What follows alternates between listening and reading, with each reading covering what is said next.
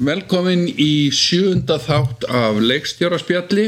Uh, ég er statur hér uh, á lögásvegi á heimili Benedikts Erlingssonar, kumdalegstjóra og uh, Benni er með COVID, eða svona, Nei, ég, já, ég er með Moderna ég, genin, hérna, það er ykkur, það er verið að tala við erðaefni mín framkalla COVID viðbröð ég Já. fór í setni bólusetningu ég var svona Janssen maður. Já, og svo hérna er ég að slást við þetta núna þannig að þú vilt stoppa Já. svona vanlíðunar, þá gerum við þá það. gerum við það, það er fínt Hérna, við ætlum að spjalla um kvikmyndir, kvikmyndagerð og aðla leikstjórn. Þegar það eru eitthvað sem þú ert svona sérfræðingur í.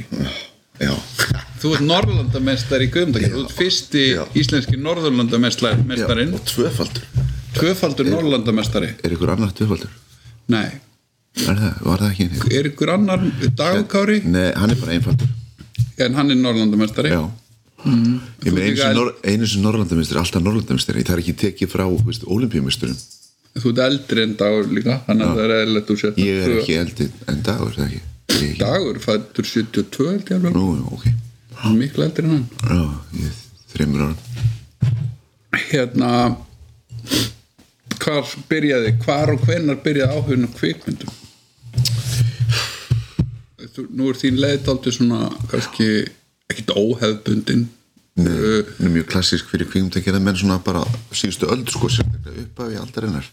Meina- Við komum allir úr leikúsinu, meira og minna. Já, Ég meina, mína stóru fyrirmyndir Orson Welles til dæmis. já. Við getum kallað, veist, Chaplin kemur líka út úr showbusiness og leikúsi já, og er kannski performer og leikúsmaður -hmm. Og hérna og við getum haldið áfram Bergmann og svo finnst mér stundum út í alveg hljóta að vera að kalla hann leikúsmanna en hann er náttúrulega bara stand-up artisti og meira. Já, kemur á sviði þá samt. Já. Já. en ég meina þetta er þetta ná skilt já, og hérna já ég fæ bara þetta áhuga eins og allir aðrir. Eh, ég er samt einhvern veginn ekki hérna svona í mínu meðvitaða huga er ég ekki alveg ég stefnið ángar kannski meira ómeðvitað svona, ég trúði valla að þetta væri hægt sko.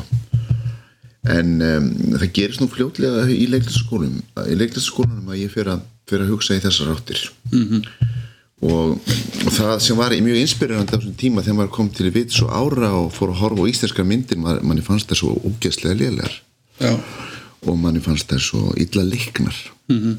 Og maður var svo reyður yfir þessu. Og maður skildi ekki okkur þetta þurfti að vera svona.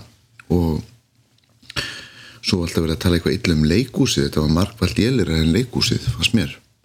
Um, og ég alltaf kom úr leikúsinu og svona og þannig ég er unni svona, mín fascinasjón byrjar unni kannski svolítið í þeim anda þú veist, í lífræna ástand. -hmm. þú veist, það sem við töluðum nú mikið um Cassavetis -hmm. á sínum tíma, þú veist þessum Cassavetti er heitlaður af. -hmm. og þú veist eh, þessi, þessi raunverulegi organíski leikur þessi, þessi tilvist þessi bara, þess að hún sérð bara einhverja manneski og það er bara sannleikur. Hún er að því raunveruleika, hún er ekki að leika. Mm, að vera en ekki leika. Já og þetta maður séð stundum þetta fannst manni ég oft verið að vitna í, í, í, í leikúsi en, en, mjög sjaldan í kvikmyndum. -hmm. og það er náttúrulega kannski sama hlutvall þar það er alltaf nýju af hverjum tíu sýningum eru drastl og, það er eins í bíómyndum. Já En þú talar um þú veist á þeim tíma þú veist uh, leiklistaskóla leiklistaskóla uh, átt- 89 90 Já 90 til, ég man aldrei 90, 94 veist. ertu, já. Já. þannig að sko í rauninni á þessum tíma þá er, erum við að tala um kannski 10 ára íslenskri guðmundagerð uh, þú veist ef við tölum bara frá vori 79-80 já, uh, meðaltali kannski gera þrjármyndur ári Já. það er kannski búið að gera 30 íslenskar kvikmyndir þegar Já. þú ferð að pæla í þessu já, og 30 kvikmyndir er náttúrulega er ekki neitt sko. Nei. þannig að þú veist ef það er ein af hverjum tíu þá er er búið að gera þrjár góðar myndir Já. þegar þú ferð að hugsa um þetta Líklega uh, Börn nátturinnar, land og sinir og, og svo kannski einu við búið Já, jú, jú, þær eru, þær eru nokkrar en hérna þannig að það, þetta er kannski ekki hérna, þú elst ekki upp við við hérna uh, einhverja ríka kvikmyndasögu í þínu nærumhverfi ætla að ekki lokal Nei, ég er að segja það í, svona Já. í þínu ö- umhverfi skilur fyrirmyndir Já. annað sem er, þú veist, þannig að þú veist erum, við erum komin kannski dálítið skamt á veg þegar, þegar þú fyrir að hugsa um þetta. En ég, sko, við förum alveg svona í æsku árin að hugsa um þetta, þá eru þetta margt þarna sem kemur til, ég mann með það var kvikmyndaháttið sem Örnur Árnarsson var fórstuðmaður fyrir. -hmm. og ég var svo heppin ég heiti, átti við eins sem heit Jón Ragnar sem var hans og hann fekk ókipið sinni á allar myndir. Og við vorum þarna mjög duglegir og erum bara þarna tíu ára guttar, ég að ég sá allar bestir kítónmyndirnar -hmm. Og ég sá myndir sem bara uh, festust með mér. Montenegro ekki hver, hver, serbnesk, sænsk mynd. Mm. um, eftir hvað ég mun að gera mann sem ég man ekki eins og hvað heitir í dag en, en, en var hérna einhvern tímann haldið mikið þingum svo var ég náttúrulega sá ég Tarkovski myndir þar kom hérna Tarkovski og hann með þetta bjó hérna. Var, var, konunans var, var, komið fyrir hjá fóruldri mínum Þannig ég, ég hitti bæði Tarkovski og ekki bara það, ég sko var, hef komið á milli sumu brjósta á Tarkovski. Nú, Þegar Larissa sem var mjög brjóstmikil og góð kona, hún saknaði svo, svona sín sem var fastur í Sovjetiríkjun og var jafnaldri minn og, og henni fannst við eitthvað líkir og hún þurfti að fá að knúsa mig mikið já, og þannig að ég get sagt að ég hafi verið á milli sumu brjósta og, og, og Tarkovski. já, og mótaði kannski Það mótaði mig kannski alveg jafn mikið og margt annað. já, Já, og hérna en auðvitað, þú veist, og við erum að komast þarna inn í vídeospóluna á sínum tíma. Þú veist, þarna erum við að horfa á sjónvarpið, ég man alltaf, ég skildi ekki þegar við verðum að tala um litasjónvarp, hvað var í vandamálið? Ég veist, ég sá liti. Hvað getur, hvað getur litasjónvarp gert betur en þetta, hugsaði ég og horfði á svartkvítan skjáin um, þannig að þessi umræða er svo voru fórdra mínir aðeins svona áhuga um þetta, ég held að pappi hafi skrifað stuttmyndahandrit og, og leik náttúrulega í myndum og, og mamma fór á námskeið í leikstjórn í sjónvarpi. -hmm. og þau voru svona flörta við þetta og ég sá þau höfðu verið í einhverjum svona og stu- stunduðu þetta, ég man ég fór í mýr og sá rústneska myndir. Uh, og, og svo voru við svo er náttúrulega á ég eina st- stóra minningu sem er auðvitað tengist þenni Kristínu Jóhansdóttur hún gerir mynd einhvern tímann þegar hún, allir þetta sé ekki bara á hjara ve- veraldar það myndi með Helgu og Arnari. Og það er hann að rammi í þeirri mynd sem hérna sem er, sem er sem sagt sem er rammi sem ég finnst svo fallegur og ofinlegur og ég sé hann að ramma mann ég og ég hérna fer á staðin til að kanna uh, hvar þetta var tekið. Þetta var fyrir hérna norðan Reykjavíkutjörn og rammin hann hérna hann var í söður og það var hérna yðin og var hérna aðeins og vinsturhund og svo var einmanna tré. Og svo þessi, þessi tjörn. Aha. og ég þekkti hver staðurinn var en mér fannst þetta svo merkilegt og fallegt. Ég trúði ekki að þetta hvernig var þetta, hversuna var þetta svona magnað sjónurhótt mm -hmm. og ég fór og skoða þetta og það þyrmdi yfir mig að, að Kristín hefði hérna látið fjarlægja ljósastöra og bruna hana. Og gerðingar og svona og mér fannst þetta svo mikið vald sem kvikmyndareistur ekki að því mm bara sagt hér vil ég skjóta og ég ætla að taka þetta burt og þetta burt og þetta burt. Þetta var ég hægt mér fannst þetta alveg yfir þyrmandi fascinirandi þannig að valdið heitlaði valdið heillaði já, að geta haft uh, einhvers konar mark, mark, svona, svona merkjanlega áhrif á umhverfið sitt. Já, en er það ekki það sem við erum sífælt að gera. Sérst, með því að skapa að við viljum hafa áhrif á umhverfu okkar. Já, hafa einhvers konar stjórn á því en um leið, veist Já. einhver, að sé einhverja merkjanlegar breytingar. En það er kannski meira svona internal í, í hjá áhorfandunum heldur en já, henni tókst að búa til málverk úr þessu sjónahotni já, og það, það fannst mér alveg, alveg magnað. -hmm. En, en sko núna allt í ertu búin að kveikja á mér. Ég veit ekki hvað þetta er mikið spennandi svona æsku hugmyndir það voru 8 mm tökuvilar -hmm. og ég fekk eina slíka uh, og við vorum alltaf að sína hérna 8 mm fjölskyldumyndir. Og, og svo fekk ég eina slík í sveiti fekk ég þess í sveitin og þar var ég að taka myndir og þar tók ég mína fyrstu stuttmynd. Þá var ég 13 ára gammal ég tek um hvað þetta tamning og ég er mikið taka myndir af hestum og, og ég tek sem sagt og ég, ég hef þá engin le- leið til að klippa en ég, sagt, ég klippi myndina, ég bara plana myndina og ég skýta hana í réttri röð. Já þannig að klipp bara í vél. ég klippi bara í vél. Og, og svo hef ég skoðað þetta og þetta var bara ansi gott hjá mér. Og ég skrifaði þarna tvö stuttmyndahandrit þetta sumar, þannig er ég 13 ára gammal -hmm. eitt var svona inspirur af, af, af, af hérna, megaslænu gamli svo í gráni og hitt var svona mjög sexuelt uh, handrit af því að ég var þarna ég var það kynþróska -hmm. og það var mikið, það var jarð það var hérna traktor með ámósutæki sem var svona að keira inn í skurð -hmm. og kona sem, sem hallaði sér upp á bári ás vekk og horfði á þetta og, og, og aukumæðurinn og, konan voru í miklu sambandi -hmm.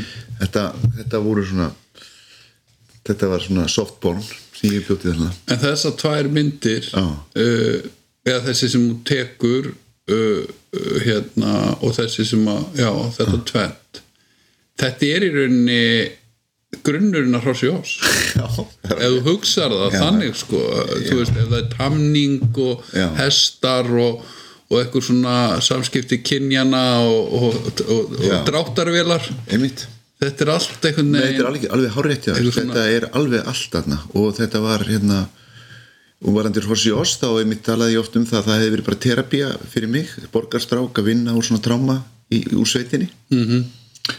en hérna en, en Rossi Ost verður til þarna á margan hátt. Margar sögurnar heyri ég þarna. Mm -hmm. og, og þetta sögursvið og, og ég verð svona hesta enthusiastic þarna á þessum árum og, og, og það er auðvitað það sem ég gerir því ég fæ að gera mína fyrstu myndi það berst fyrir því að að mikil, mikillar heitla þá, þá, þá stóð ég við það að ég þyrfti að fá að gera eitthvað sem ég þekkti mm -hmm. sögursvið sem ég þekkti -hmm. og hérna ég var ekki að gera coming of age mynd sko um eitthvað um eitthvað hörmungarporn mitt, mitt eigið hörmungarporn á úlingags árum heldur Nei. eitthvað, eitthvað annað En kannski aftur að þessu sem hún nefndir á í sambandi við sko mm, hérna kannski leiklist mm. uh, ef við tölum um leiklist í kvikmyndum. Já, og, og þú kannski það vekur aðtekli það eru út að komin að menta byrjaður að menta þig í, í þessu. Já. Og þú eru náttúrulega alin upp af, af leikurum og fólki sem kemur úr þessum heimi. Þú veist alin upp í leikhúsinu þú veist af fóruðriðunum sem bæði Já. vinna í, í, í, við leiklist. Hvað var að leiklist Nei, í kvikmyndum á þessum tíma? Það, þú, sem sagt leiklist í kvikmyndum á þessum tíma var, þú veist þú var bara ekki tjúnuðin rétt, það var sem sagt, leikstílinn var of stór eða leikararnir höfðu ekki fengið tíma til að æfa dialógin sinn -hmm. þannig að það var bæði vond greining af dialógnum, hvað er raunverða vildu og svo voru þið bara styrðir það var eins og þeir hefði aldrei æft sig -hmm. og hérna um, sko hvað Hva- hvar liggur svo ábyrð það er leikstjórans og það uppkvötaði maður algjörlega þegar ég byrjaði sína að leika í kvikmyndum -hmm. hvað leikstjórarnir sem eh, voru hérna, hvað voru hrættir við leikara hvað er leikstýru lítið -hmm. og hvað er kunni ekki að leikstýra það er að segja þú þegar var kastað í eitthvað hlutverk sem svona var kannski eitthvað svona typecast þar sem þú passaðir inn og elementið átt að passa í hlutverkinu við þig -hmm. og, og, og þú hérna það var engin æfing um, og um, og ef þú varst ekki á réttri línu þá var bara leikstjórin sko stressaður -hmm. og hann sagði ekki neitt en þú fannst að, að, að, að hann var óanaður mm. er að menn þorðu ekki að leikstýra og að því að menn hefur kannski upplegað bara er þetta allt verra og menn þorðu ekki einhvern veginn að segja við leikar þetta er ekki nógu gott, þetta er bara lélegt eða þú veist, svo getur þú sagt það öðruvísi. En menn notuðu mikið orðið ekki til dæmis sem er alveg, ne- þú veist, ekki gera þetta og ekki gera þetta en ekki segja hvað þú ættir að gera. Og hérna og ég upplýði bara þarna hvað þetta var rosalega þetta var ég hérna hungur hókað við fullur leikari nýkomin úr leiklistaskóla og fannst ég vera með þetta. En ég upplýði alveg rosalega mikinn amatörisma Já. í samskiptum leikstjóra og leikara í þeim kvikmyndu sem ég tók þátt í. -hmm. En, og þetta og, á, og, og niðurstaðan var maður þurfti að undirbúa sér ógislega vel sjálfur. Og leikarar þurftu að leikstýra sér sjálfur og það var svolítið lærdómur sem að síðan fór og sko, skoða þetta að Amerikumenn, þeir gerðu það. Ameríski leikstýrar raunin tókuð þessa ábyrð þeir leikstýrðu sér komu svo vel undirbúnir svo vel versaðir að, að, að þú veist leikstjórin hann hann gætt bara beðum varianta. -hmm. En þú veist en, en vinnan sem ég var vanur og tíminn sem við gáfum okkur í leikúsinu hann var ekki, stóð ekki til bóða skilur við -hmm. þannig að, að menn til þess að ná sömu færni og flúand hérna, samtal og vera jafn lifandi í hlustun og í viðbræði það, það gerist með ákveðinni æfingu eða í fyrstu tökku skilur, eða þú veist, þú, þú getur stundur náð einhverju, ef leikararnir kunna sitt í fyrsta, svo þú veist að æfa og þá þessu hnignaði smá stund og svo nærðu aftur plani. Allavega, þetta voru svona mínar skoðanir á þessu, ég var mjög fullur af þessu. Þannig að þarna lág áhugi minn getur við sagt. En, en, en svo fluttist þetta og ég fekk alltaf minni minni áhuga á leikurum og, og leiklist. Og hérna og nú finnst mér bara leikarinn, nú skil ég alveg þessa leikstjóra á gömlu skólanum sem er svo Hitchcock sem sagði hérna það gaman í kvíkmyndigerð þannig til leikarnir mæta á settið sko. mm. þú veist, maður er- verður svo týranískur að maður vill bara segja sögu í, í myndum og jújú jú, með leikurum og, og þeir eiga bara einhvern veginn að, að, að, að, að fylla upp í, í draumamyndina og maður nennir ekki þessari grunnvinnu mm þetta getur svo auðveldlega maður getur orðið svo óþólumóður Mhm. En hérna já já, þetta er nú kannski svolítið gorgir í mér að tala svona en En þetta er kannski eitthvað sem að, sem að hérna, við tölum um drifkraft skilur það er eitthvað sem að uh, sem að keirir menn áfram, eitthvað sem við vilja sína kannski eða sanna eða hvað það nú er skilur þú veist. Og það er náttúrulega eðlilegt að ungir menn eru hrókafullir, þegar ungt fólk er oft hrókafullara heldur Já. þeir sem eldir eru, halda þeir geti gert betur. Já, uh, en hérna eftir leiklistarskóla og allt þetta og svo leikur eitthvað, þú leikur í sjónvarpi og kvikmyndum eitthvað Já. slikt sko. En manstu eftir manstu eftir augnarblikina sem þú hugsaðir ég ætla að leikst þér að kvikmynd já. Ég mann það. Eða var og það var eftir ég sá mynd sem hétt 400 Blows. Og það er eftir hann Truffaut. Og það er ekkert mann ekki finnir 2000 og eitthvað þrjú held ég bara reynlega ég held að ég hafi eða þú veist þá hugsaði ég þetta er það sem ég vil gera. Já, og ég var kannski komin á stað á einhvern hátt áður en, en þá fann ég hvort ég var komin á stað þú veist þetta þetta er svo fröydiska spurningar veist, þetta rennur allt saman og maður man ekki neitt og minnið er, er svo tegjanlegu hlutur. Mm -hmm. hvenar byrjaði maður að hugsa um eitthvað veist, ég, ég veit það ekki. En ég man allavega að það var mynd sem hefði mjög djúb áhrif á mig. Já, og ég hérna ég bara ég sá þá mynd og þannig er ég bara fullanir maður. Ég er hérna bara á ég er frítur -hmm. en bara ég fann einhvers stað bara eftir ég sá þá mynd að þarna þetta uh, listform -hmm. gæti eitthvað sem, sem mig langar svo að reyna að vera partur af. Já, og, og þá var í tíma mínum ekki illa varið. Nei. Og um, það, kom, það eru alls konar líka uh, hlutir, það er líka frústrasjón yfir leikúsinu, þú leggur svo mikið á þig í leikúsinu og það er, er, svo, er svo lítið eftir. Jafnvel eftir successin veist það er eitt prógram og svo minningar einhvers fólks. Það er ekki til að benda á. Það er ekki til þess að sína það er engin físiskur hlut Nei, sem eftir að- verður. Við getum sagt að þetta sé egoið mitt sem hildi byggja minnisvarða og eiga minnisvarða mm -hmm. um mitt skapandi starf. En þetta var svona partur af þessari frústrasjón ég myndaði mig líka kannski að það var þetta, uh, þú veist, myndin myndi getur gefið áfram eitthvað eftir, eftir fyrsta sýningatíman Já, en er það, er það hluti af sköpuninni sko, er það, er það hérna, forsenda sköpunar að, að reyna að verða ódöðlegur skilja eitthvað eftir sig ja. skipta einhverju máli hafa fingra að fara á heiminum einhvern veginn liggi eitthvað eftir liggi eitthvað eftir annað en ég held að þetta sé partur á þróskaferðin þetta er svona hluti af drivkraftirum til að byrja með. -hmm. en hérna en svo svona, ég held að hann degi þetta deyr svona aðeins þegar líður á sko, hættir að skipta máli. Og maður, maður leitar meira í, í ykkur orkuna. Um, en sko þetta, þetta er semst af hverju erum við að segja sögur mm.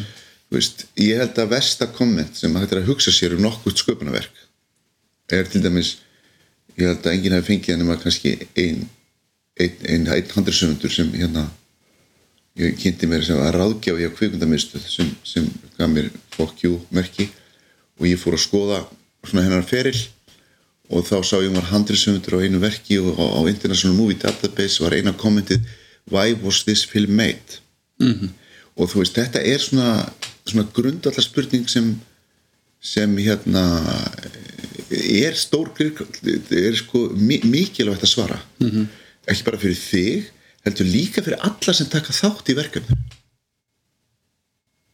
sko í leikúsinu finnum við fyrir ömulegri tilfinningu þegar við setjum eitthvað svið sem skiptir einhver máli og okkur er alveg saman en við fáum bara að borga fyrir það og við setjum upp eitthvað, eitthvað farsa eða eitthvað sem okkur finnst bara á eitthvað hátt ekki eiga erindi mm -hmm. og það er gert og þannig við, við ég þekki þessa tilfinningu að taka þátt eða í eitthvað sem, sem við eitthvað okkur vantar drivkraftin og, og á mótið því þegar þú hefur drivkraftin að því þetta er mikilvægt sem sagt hver höfundar er þér ljós og, og þú getur miðlað henni mm -hmm. sem gerist auðvitað gegnum handrið eitthvað þá byrður til orgu og samtakamátt sem, sem er alveg ómyndalegt mm -hmm.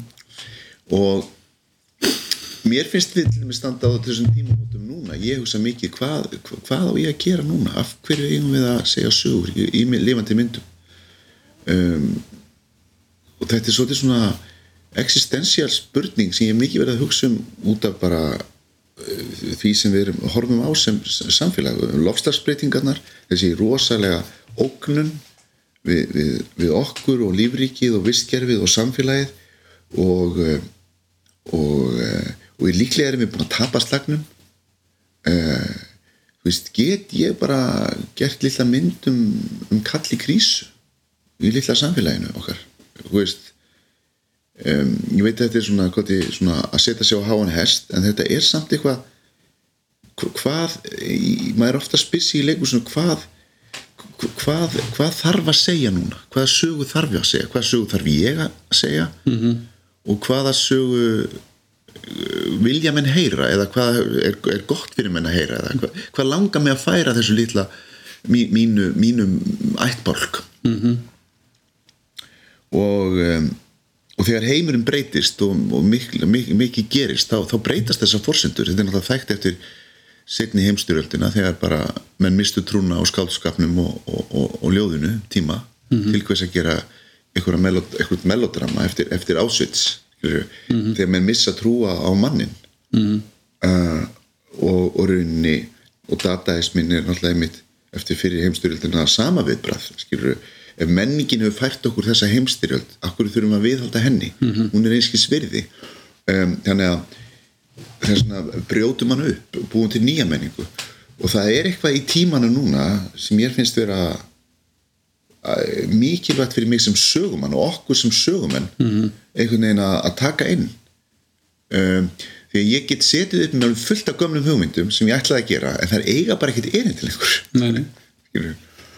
Og ég held að það séu skrifaðar bækur um þetta. Ég held mér að segja las eitthvað staðar að Sverrir Nordal skrifaði bók sem heitir Stríð og kliður og hún er á mikið um, um þetta allavega þess, þess að manga veldur höfundar. Mm -hmm. En allavega ég vorum að tala um að hlutinu sé mikilvægur að sé eigi eitthvað erindi.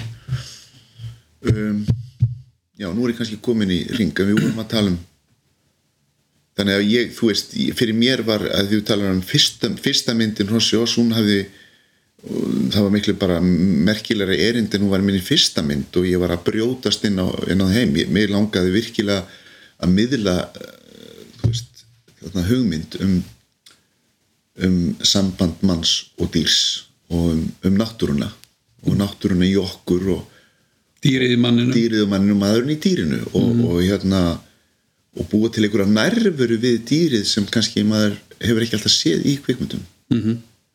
um, þannig að þetta var veist þetta var mikilvægt getur við sagt -hmm. og þú veist og svo auðvitað var konan fyrir stríð hún var mér mikilvæg og, og, og kannski fyrir augljósar ástæður.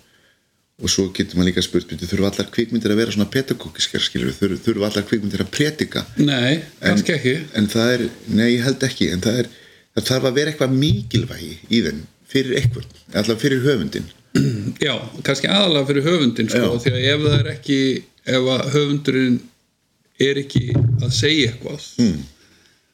Hvernig á áhörundin þá að upplifa eitthvað? Já. þú veist, ég menna það þetta er gru, gru- grunnatrið sko, þú veist. Ef það er engin substans þú veist, þá verða engin áhrif tilfinningarlega áhrif. Já. en ef við tölum um við fyrir kannski betur í þessar tvær myndir sem hún nefnir á eftir en, en upptakturinn í þær veist, leiðin þín þú veist, frá þessu augnabliki að hugmyndin kviknar að kvikmyndin geti verið eitthvað form sem að Já. þið langar að tækla Já. eða vinna í. Uh, hver er upptakturinn að myndunum? Hvaða, hvaða æfingar gerir hver er þinn kvikmyndaskóli? Já, ég held að sko einn af stóru professorunum mínum í mínum kvikmyndaskóla er Ragnar nokkur Bras við kynntist þe- þeim manni og hann var mjög, mjög hjálplegur í alls konar hérna hugleðingum mínum um þetta og svona praktískum hlutum og, og læra og skilja svona þetta ferli og, og tengja það. Og ég þurfti mikið á því að halda. Ég var komin á svona auðvitað kunna pródúsera, ég kunna búið til leikrit og, og ég hafði ímislegt með mér í mínu farateski sem var minn háskóli. En, en það voru aðri hlutir sem ég var fullkomlega ókunnur þess vegna var það mjög mjög holdt að, að, að eiga samtöl við, við Ragnar og fleiri og, og ég get nefnt fleiri og Rúnar Rúnarsson sem kynntist líka uh, og þannig að það voru svona ég, ég nöyt mikið um, þess að, að, að læra af kollegum mínum á þessum, fyr, þessum fyrstu skrefum sem ég var að taka. bara hvern, og svo voru bækur sem ég voru bent á ég man þú benti mér á bókina Breaking the Ice eitthvað slikt eða sem er um eitt sögur leikstjóra sem er að gera svona fyrstu mynd. Ok, uh, Breaking Through eða eitthvað slíkt. Já, já, og, ég, og, það, það, og það fannst mér svo falleg að, að sætta mig við að þetta er því baróttusa já. Þú veist að gera þessar fyrstu myndir ífælega baróta og mörgum plönum. -hmm. og, og, hérna, og ég var að fara inn í bíómynd sem var í baróta skilur -hmm. um, en um, sko já en, en, en, en rífiða nú aðeins upp spurninguna því nú er ég búin að Ég missa meina, þráðin já, ég velti bara fyrir mér hver eru æfingarnar sko, hvað hérna Já. þú veist, þú, þú gerir stu, byrjar að gera stuttmyndir eða þú veist, þú, þú hefur náttúrulega eins og ég segi unnið sem leikari í þú veist, sjónvarsefni og kveikmyndum og slíkt sko, Já. þannig að þú hefur verið á tökur stað verið partur af því ferli þú veist, í fórspræðurum og fleiri hlutum. Nú, jú, við skrifum fórspröðarserju og við, ég vann þar sem, sem leikari og, og, hérna, og við vorum svona í fyrstu seríunni vorum við mjög frekir le- leikarar og, og hérna og svo fór ég á námskeið í, sem hétt North by Northwest mm -hmm. e, þar sem ég fór með hugmynd af kvikmyndahandriti. Ég hefði fengið hugmynd af kvikmyndahandriti sem kallaði Sönns saga og var svona svolítið coming of age mynd um lítill strák sem heitir Jésu Krist. Um, og hérna og ég fór á þetta námskeið og það var mér mjög merkilegt. Þar kynntist ég átta síkvensakenningunni og þetta voru professorar frá Ameríku. Þeir voru auðvitað voru að kynna okkur bara henni Aristoteles en, en brotið niður í átta síkvensa -hmm. og, og, og þetta mm, eh, segja, paradigma þetta skapalón hefur verið mér mjög gaglegt um, til þess að geta skilið hvað er gott við sögu. Þú veist hvernig segir maður góða sögu á réttan hátt? Og, og reynir sættar sig við eitthvað að það sé kannski einhver lögmál þó maður og á sama tíma er engin lögmál. Það er einhvern veginn, það er einhver dialekt þarna eða paradox í þessu sko reglu og ekki reglu. -hmm. Uh, og ég nota það á aðferð mikið sko fara úr kaos í, setja skema og aftur í kaosið. -hmm. en hérna en þetta er svona gömul hugmynd. Ég, ég veit að leikúsmaður eins og Peter Brook sem talar um þetta þessi gullis, gullið snið í listum. -hmm. það er svo ég hlutfall sem séu sko sammannleg og eins eru veist, góðar sögur sem lifa. Þú veist, þær hafa ykkur innri hlutföll og hérna, þannig að ég fekk mikinn áhuga á dramatúrkju þá í gegnum þessa og þetta tengdist þetta og þetta hjálpaði mér mikið í leikúsinu ég átti eftir eftir ég fór þetta námski að gera fullt af leikgerðum og segja sögur á sviði bæði einn og, og, og með örum þannig að, að sko samhliða því að ég er að koma, að koma hægt og hægt út úr skápnum sem kvikmyndagerðanaður og farin að gera mínu fyrstu handrit þarna og gera mína stuttmyndir þá er ég mikið að vinna í leikúsi bæði að leikgerðum og, og spinna upp sögur og svo framvegist þannig að ég er að æfa mig sem sögumæður um, og sem leikstjóri. En hérna, að þetta gengur allt svolítið saman. Uh, ég man eftir því að, að hérna, við held að við hefum fyrst kynst uh, þegar uh, þú hafðir gert uh, hérna frábæra leiksýningu sem heitir Ormstunga mm. og hafði sínt hana hérna Já. þar sem við sitjum Já, já. hérna í skemmtihúsinu já, og, og hérna svo, svo kemur það inn á borð til mína að sem sagt uh, uh, svo hugmynd sem, sem að kemur frá þér og þá Páli Baldini sem er þá dagskrastjóri líklega á stöð 2 Já. á þeim tíma að gera hérna sjómarsútgáfu Já. af því verki sem sagt kvikmynda það á einhvern máta og, og hérna ég man nú ekki hvaða ár þetta er kannski 98, 9, 2000 eitthvað svo leiðis og, og hérna uh, þá kynnust við Já. og hérna uh, gerum þessa útgáfu þessa sjónvarsútgáfu Já. sem að, hérna uh, er sínt á stöð 2 já, og ég man við áttum samtal þá eitthvað í kringum það. Þú veist, ég man þú, þú, þú varst áhuga samur um, um kvikmyndir og, og svona varst að velta þessum hlutum fyrir þér. Svo skömmu setna þá, þá hérna, er rúf með einhvers konar uh, svona sem við kalluðu sjónvarsleikrit Já. uh, hérna, það var eitthvað svona verkefni sem að Lárus Ímir. Óskarsson var með yfirum sem með þá sagt að, að- að búa til einhvers konar uh, svona serju af sjónvarsleikritum eða sjónvarsmyndum og, og hérna ég skrifa eitt uh, og, og hérna ég man ekki allt ferlið það endar allavega þannig að, að hérna, ég nefni þá hugmynd Já.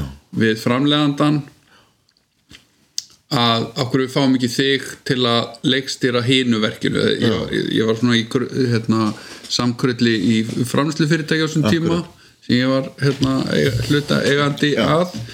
Og við gerðum að tvö af þessum sjónvarsleikritum ég gerði annað eftir minn einn handriti og þú varst fenginn til að leikstýra uh, handriti eftir Hrafnildi Hagalín. Já, og það var kannski svona þú veist uh, svona fyrsta já, innan gæðslappa stóra uh, kvikmyndaverkefni sem hún leikstýrir. Það er alveg rétt. Það er það rauninni fyrsta sem ég hef leikstýri fyrir einmitt þennan miðil. Fyrir myndmiðil. Fyrir stuttmyndar mínar og fyrir allt annað. Já, og þú, þú, það varst þú sem ítti mér það núti þannig að þú ert rauninni guðfæðir minn í þessu öllu saman. En ég man að ég gerði storyboard þarna að þessu öllu, hverju fyrir sig og já, það var mjög mikill skóli og svo var þetta Lárus Ímir hann var ótrúlega mikið Já. stuðningar honum, mikill mentor já. og, og generous. Já, einmitt hérna það væri gaman að taka hérna, leikstjórspjall við Lárus og það hérna, hans saga er, er, er merkileg og, og hérna náttúrulega kynnslóð fyrir ofan okkur eða Já, tveimur sem að sem að hérna þurfti að hafa fyrir hlutunum Einmitt. og átti mjög góðan feril í Svíþjóð og, og einhvern veginn hérna fa- fann, fann ekki fjöluna hérna á Íslandi af ýmsum ástæðum kannski. þurfti að berjast hér við alls konar klíkur og, og hérna pólitík.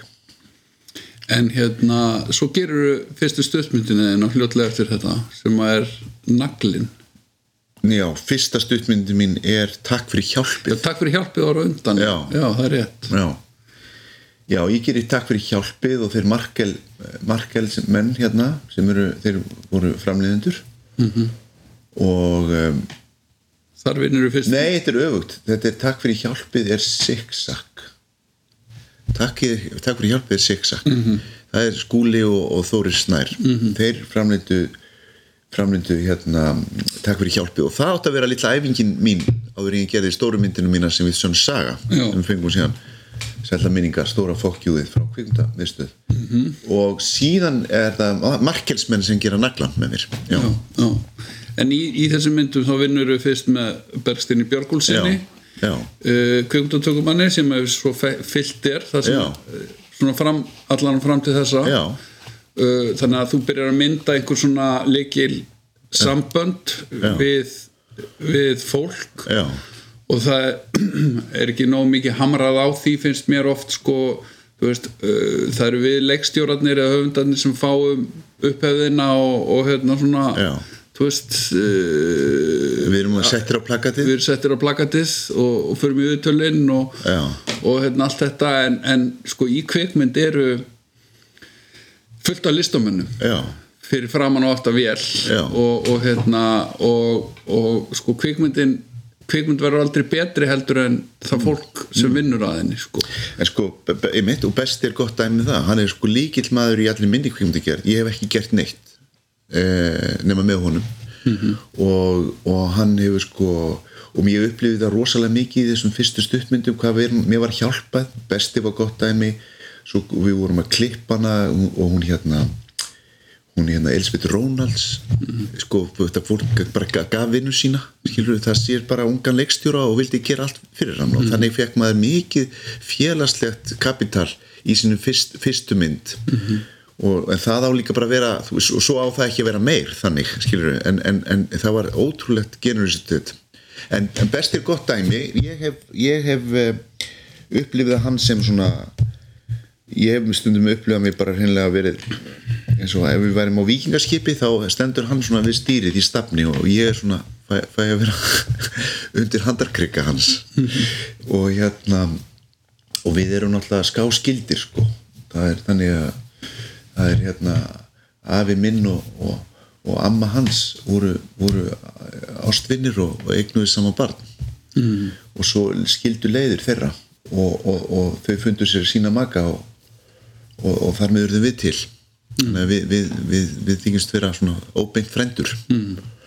en hérna en þannig er alveg komið að líkil atrið fyrir kvikmyndalegstjóra að hafa góðan tökumann. Og, og það er rauninni þinn skóli því það eru miljón hlutir sem, sem þú ræður ekki við að hafa yfir sín yfir nema þú hafir þeim um betri mentun sem ég hafði ekki. -hmm. ég, ég er fullkomlega mentunarlaus þegar kemur að sko linsum -hmm. og, og hérna og um, og mörgum af þessum hlutum sem, sem maður þarf að vita eitthvað um og og, um, og rauninni og svo hérna og þetta er líka sko hugmyndin hvernig þú planar söguna sko og hvernig þú hérna flytur sögusvið og hvernig þú hoppar á milli sko já það er margt um þetta að segja en, en það er rétt hjá þér. Besti er einn af mínum líkilmönnum ég hef vunnið með Davíð Kornó Davíð, hérna, Davíð Alexander Kornó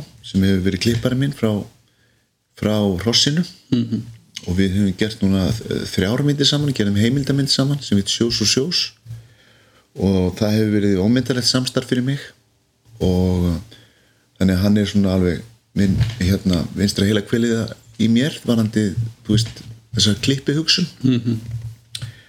Og, um, og svo hef ég unni líka með, mikið með Davíð Þór uh, bæði í Rossinu og í, í uh, hérna konum fyrir stríð og hann er náttúrulega stormsveipur og eldhugi.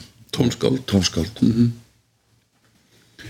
mikilvægi tónlistar í þínu kaupmyndum eða sem sagt í þessum töfum verkum. Ég meina hvernig sko maður hugsa svona verkfærlana skilur þú veist hvenar uh, á hvaða stíi málsins ferðu sem sagt hérna eðlega þegar sko við förum, förum á stað hérna uh, búið er að fjármagna kvikmynd og, og svona formlegur undirbúningur hefst eða svona pre-production og þá, þá náttúrulega, þú veist, er fólk ráðið til starfa, skilur listarinn stjórnendur og, og, og, og maður byrjar að undirbúa og skipurleggja og, og bróta nefnir hluti mm. þú veist, eins og til dæmis bara við tölum um tónlist að því að sko það er svona uh, sérstaklega í kona fyrir stríð er, er sko nótkun og tónlist meira heldur en bara meira heldur en bara svona hefðbundin áhrifstónlist. Í rauninni er tónlistin partur af, af myndinni þá, þá meina ég hún er í mynd. Þú sér tónlistamennin að flytja músikina uh, þ- þ- þessi, þessi vinna uh, hérna hversu, hversu snemma í ferlinu til dæmis á kona fyrir stríð uh, byrjar þetta samtal við Davíð um þessa hluti. Þetta er bara rauninni þegar um við erum að skrifa handritið uh, og sko, það má mikið og lengi tala um þetta. Ég á mjög erfitt samband við tónlist í kvikmyndum og ég held, mér, það er mín skoðun að tónlist er mikið misnótugum sem mjög dekinerð og ég, ég heyri mikið af kvikmyndtónlist og sjónvarsefni og mér finnst þetta að vera ríkaleg misnótkun, ofnótkun og hérna eh, þannig ég hef miklar og sterkar skoðanir og pyrrast mikið og finnst margar myndir eðilaðar með, með, með tónlist. Þannig að einhvers staðar á ég vola erfitt með þetta. Þetta er svo öflugt og manúbilerandi hérna tæki. En það sem er kannski merkilegt að tala um í samtíð konu fyrir stríð að þegar þú gerir tónlistunum og hún þurfti að vera sínileg þá þurfti ég að plana hana svo vel að ég gatur henni ekki skilur, ég, ég, var búin að læsa mig. Ég, ég, ég get ekki manúbulerað eins mikið í klippinu og þegar maður er að klippa saman mynd þá er maður að búa til eitthvað, eitthvað dýnamík. Um, og dýnamík er í eðli sínu breytingar á tónfalli, takti lit, tilfinningu.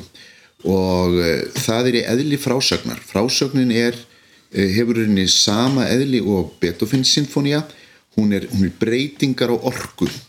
Og það er þessar orkubreytingar uh, hvað sem það er spennar, hraði tilfinning, tótn eða hvað sem við viljum kalla það sem rauninni er ákveðin innri dramatúrkía sem við heldur áhuga okkar. Við getum lítið á okkur eins og við værum apar. Við getum haldið apanum við skermin með því að breyta bara tíðni skilur hljóðs og mynda. Og þannig að hann dettur ekki út. Og þannig að og þetta er þetta loka fasin sem gerist þegar eh, hljóð og mynd kemur saman í klippuborðinu. Og þá getum maður tekið oft svona ákvörðun og segja ok, hér þurfum við að hraða frásögninni af því að við vorum svo lengi hér. Þannig að nú þurfum við að þétta. Og hérna getum við tekið okkur langan tíma. Þetta er mikilvægt og tökum okkur tíma hér. Og hér þurfum við að breytum tón og svo framvegis. Og þetta getur maður, og þetta gerir maður í klippinu en þetta getur maður, gerir maður líka í hljóðinu. Og, og tala nú ekki um tónlistur hérna líkilatrið, tónlist getur bara líka bjarga hlutum. En ef maður hefur tónlistamina lifandi í mynd og þeir eru að hefja atrið í einu skoti og svo kemur kannski klipp klipp og svo komum við sjáum það enda atriðið þá er ég að hafa hvernig hátt læstur -hmm. og, og, og þá þurftum við að rauninni að planleggja það sem ég kallaði tilfinningalegt kort myndar hennar þannig að undibúningur í konum fyrir stríði handritinu var risastórt kort þar sem ég þurfti í rauninni að hugsa rosalega mikið um þessa hluti strax á handritstíðinu mm -hmm. ég þurfti sem sagt að, að leggja niður sko tíðni segja, orku hver, hver síkvens, mm. orku breytingarnar ég þurfti að sjá þar fyrir mér og við þurftum að plana þar og við þurftum að búa til fullt af tónlist sem við þurftum að láta fitta þarna í og ekki bara það við fórum síðan og tókum demotökur mm -hmm. við tókum ekki bara upp tónlistar við tókum upp atriðin og gerðum öll tónlistarættin voru klift svona og er til mjög skemmtilegar útgáfur af þessu svona bara svona rusl, rusl til þess að verða sannferðum að þetta geti gengið mm -hmm. og svo í þrýðja lagi náðum við að hugsa tónlistum þannig að hún væri möguleg þar að segja hún var rithmísk og það var hægt að klippa tónlistina þar að segja hún var þannig gerð mm -hmm. um, þannig það, það var lág mikil mikil undibúningsvinna undir þetta til að vera bæði með axlapmönd og belti til að læsast ekki inn í gildurinni þetta er rosalega fattitt lag en aðriði bara svo langt Já, og við getum ekki stitt lagið. Mm -hmm. eða okkur langar í meira þessum mm -hmm. og hérna uh, og, og þetta var mjög lært um síkt og einhvern veginn hendar þetta mér mér vegna þess að í, í, í hérna það er eins og ég hafi síð með tvö heila kvel að þessu leiti, sko, í, leikúsinu vil ég ekkert ákveða neitt strax og það var alltaf fæðast og, og ég nýtt þess að geta bara sett það saman og loka metrónum mm -hmm. en þarna í, í kvikmynd er ég bara týran og vil ráða öllu frá A til Ö frá byrjun og plana allt og hérna, þannig að það er ekkert mikið það er ekkert rými til einhverjar organískra sköpunar á setti ekki, ekki hjá mér Nei, en ég held ja, sko, þannig séð, ef þú veit að er það alltaf inn í, í, í leikaranum og, og getur lengt, en sko ég held að það sé gerir allt með kvikmyndina og hún Já. er mjög svona rigid form Já. eða svona stíft form að því leiti að hérna að sko sköpunin sko í rauninni frelsið í sköpun er þegar þú skrifar handrit í rauninni. Já. þar er þar er rými fyrir tilrunamennskuna og, og flæði einhvers konar. Eftir að tökur hefjast að þá eins mikið og maður vill þú veist vera frjáls þú veist inn í, í, í frjáls með formið Já. að þá, þá er það nú bara þú veist staðreinda að hérna við þurfum að afgreða ákveðið mikið efni á dag Já. við þurfum að ná ákveðið mörgum mínútum inn Já. og við erum ekki með, með endalösa tökudaga við höfum kannski einhverstaður bylunni 25-35 eh, daga til að gera heila kvikmynd sem þýðir það að, að sko klukkan tefar Já. og, og hérna, þú veist að, að strax og þú hérna, uh, slakar á og ferð að gera eitthvað svona tilraunir Já. Að þá ertu að útiloka aðra hluti. Þá meina ég þá ertu að geta tíma. Þetta fórna einhverju. Þú ert að fórna einhver á móti. Og, og hérna þannig að, að hérna e, allan mín reynsla er svo að að eftir því sem að maður er betur undirbúinn Já. e, með alla hluti Já. hvort sem að það sé vinnan með leikaranum eða vinnan með tökumannum með listarum stjórnendum skiluru með aðstofuleikstjórnum með, með hvernig dagurinn er settur upp eða hvernig sem er. Ef allt er vel skipulagt og vel hugsað og þú veist hvernig þú ætlar að afgreða allar hluti og ert búin að undirbúa það og allir er á sömu blaðsíð þú ert búin að koma þínu þínu liði Já. öllu á, það er sama leikskipulega í gangi þú veist, það er einhver taktík að það það gefur þér pínu rými að því að Já. það eru allir meðvitaður um hvað þarf að gera Já. og, og hvert er resultið á að vera eða hvert er verið að stefna. Þannig að það gefur ákveði rými til ég vil ekki segja tilrauna en ákveði þá, þá, þá allan ertu örugur með hvert þú ert að fara. Þú færð pláss. Þú fær meira pláss. Þannig að sko ég auðvitað eru þú veist, er engin rétt leið til að leikstýra kvikmynd. Nei. og, og hérna ég, ég hef lesið viðtölu leikstjóra eða tala við leikstjóra sem að, sem að sko vilja helst ekki ákveða neitt Já. fyrir en á staðnum mm. en, Hvernig fara þær ekki þá nokkrum vikum áður á staðin já, og, og ákveða það já, en ég, ég skil ekki frelsið mér finnst Nei. það að vera að því að þú sko, þá ert að geta upp eitthvað annað skilur, þú ert í runni Mm. Já. þú veist að brenna þóttu kertið báða enda sko, þú veist En sko, mér langar að, það sem ég finn núna, mér langar að ræða þetta orð dýnamík að því að mér finnst þetta enginni ég gerði ykkur uppkvötun að því ég er búin að fara mikið á kvingundaháttið og sjá mikið af, af þar sem eru sindar fyrstu myndilegstjóra og enginn af þeim sem svona þegar talaður um hérna evrósku arthásmynd að stundum eru þar krefjandi fyrir áhörundur en æðislega góðar. En sko mér finnst enginni þeirra er að það vantar dýnamík sem er algjörlega eðlilegt. Það er að segja þær eru á einu tón og einu tempói og ég skil það mjög vel og það er mjög eh, klassist enginni leikstjóra þegar þú ert að setja saman hvað sem er leiksviði eða kvikmynd svona þína fyrstu samsteipu -hmm. og ég upplýði þetta, ég átti góðan kennara þegar ég var að leikstýra í, í borgarleikusinu og ég var að, og Gíó settist alltaf hjá mér og sagði alltaf benni dýnamík, dýnamík, það var alltaf dýnamík og ég spurði alltaf, hvað, hvað meinar með dýnamík ég fletti þessu orðu upp, hvað þýðir þetta -hmm.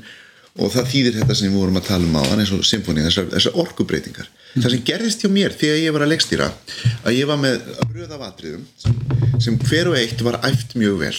Og ég æfði atrið að öll moment voru skýr og í þessu æfingaferli þá er maður oftist að dramatísera, tegja og dramatísera atriðin og svo svona velum maður og þjappar. Og svo þú veist er maður komið hvað er mikilvægt. Og þannig að allt var skýrt og mikið, allt, allt kom fram. -hmm. og svo var næsta atrið unnið svona og hvert eitt atrið kom að segja allar myndirnar voru vel málaðar. -hmm. og svo settum maður allt saman og þetta var alveg bara, já, þetta var frábært hvert og eitt atrið en saman var þetta rosalega langt og leiðilegt. Eða, eða flatt. Já, og þá uppkvitvaði ég þetta já, ég þarf að geta breytt tempo og tíma, ég þarf að geta þjappað ykkur saman, ég þarf að skoða stóra, stóru örkina og sagt hvað er mikilvægt, hvað ætla ég að dvelja? Hvað ætla ég að leifa áhörðundunum að byrja að draga sína álíktanir hvað ætla ég að búa til pláss fyrir áhörðundan og hvað ætla ég að ídólum áfram?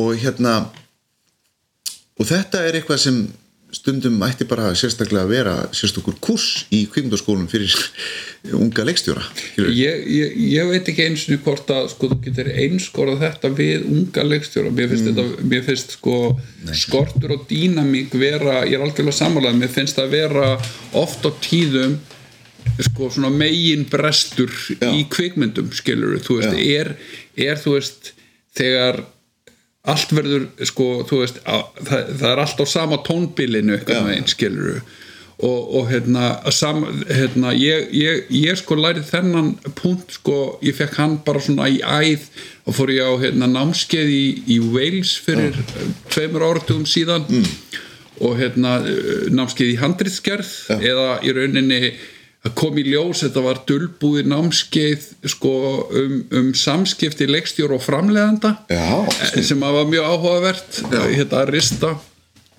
að mér minnir. Og, og hérna þar komu alls konar hérna uh, sérfræðingar Já. og heldur fyrirlestra um handritsgerð og, og mismunandi nálgun við handritsgerð og slíkt sko. og þar með að lein kona sem að sko var með músikteóriu í rauninni. Hún, hún, hún tók sko Beethoven verk og, og sínd og náttúrulega Bach og fleiri, fleiri tóndæmi. Hún tók sérstaklega hérna Beethoven og, og, og, og, og braut niður í rauninni sko hérna uh, verkið Já. í átta síkvensa eða átta, átta þætti. Já. Og, og, og talað um einmitt dýnamík Já. skilur þú veist að það eru ákveðin mótíf sem eru endurtekin Mm. en þau eru endurtekin á mismunandi með mismunandi attakk skilur og mismunandi þú veist hraða eða, eða, eða sko þú veist þú veist, einfalt og svo flókið Já. þegar, það, ég menna sko, þú veist, í, í, í samsetning á hljóðfærum og öðru slíku og, og þetta var svona opnaði augum mín mjög mikið sko, Já. þetta, já, þú veist, það er engin dramatík ef, ef, ef, með svona dramatíska frásög Já. að hún, sko tónlist er náttúrulega fullko, hið fullkona listform, Já. skilur þú veist, ein og sér kannski þú veist, það er, er trikk í, í samspili myndar og, og, og tónlistar en tónlist er dramatík, ég meina poplag er gott, frás- frásögn. gott poplag er, hefur dramatíska byggingu Já. Og hérna og dýnamík er eitthvað sem að sko, ég held þú áttir því ekki á fyrir þú sko prófar það sjálfur eða sem þú lendir í því eins og þetta þú nefnir í leikhúsinu að hvar þú veist, hvar þú veist, gefur rými Já. og hvar hérna keirur áfram, skilur og, og við þetta má bæta í kvikmyndin erum við oft með A-sögu, B-sögu og C-sögu Mhm. -hmm.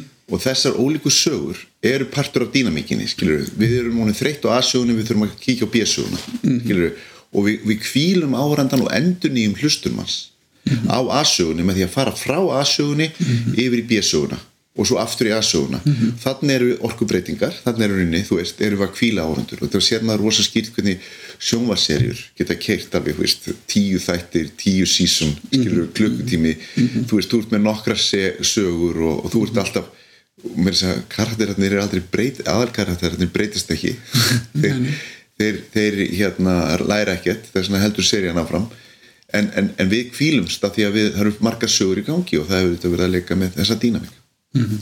en þetta er, þetta er rétt, þú nefnir Beethoven hann er einmitt besta dæmi um frásögn í tónum sko. Mhm.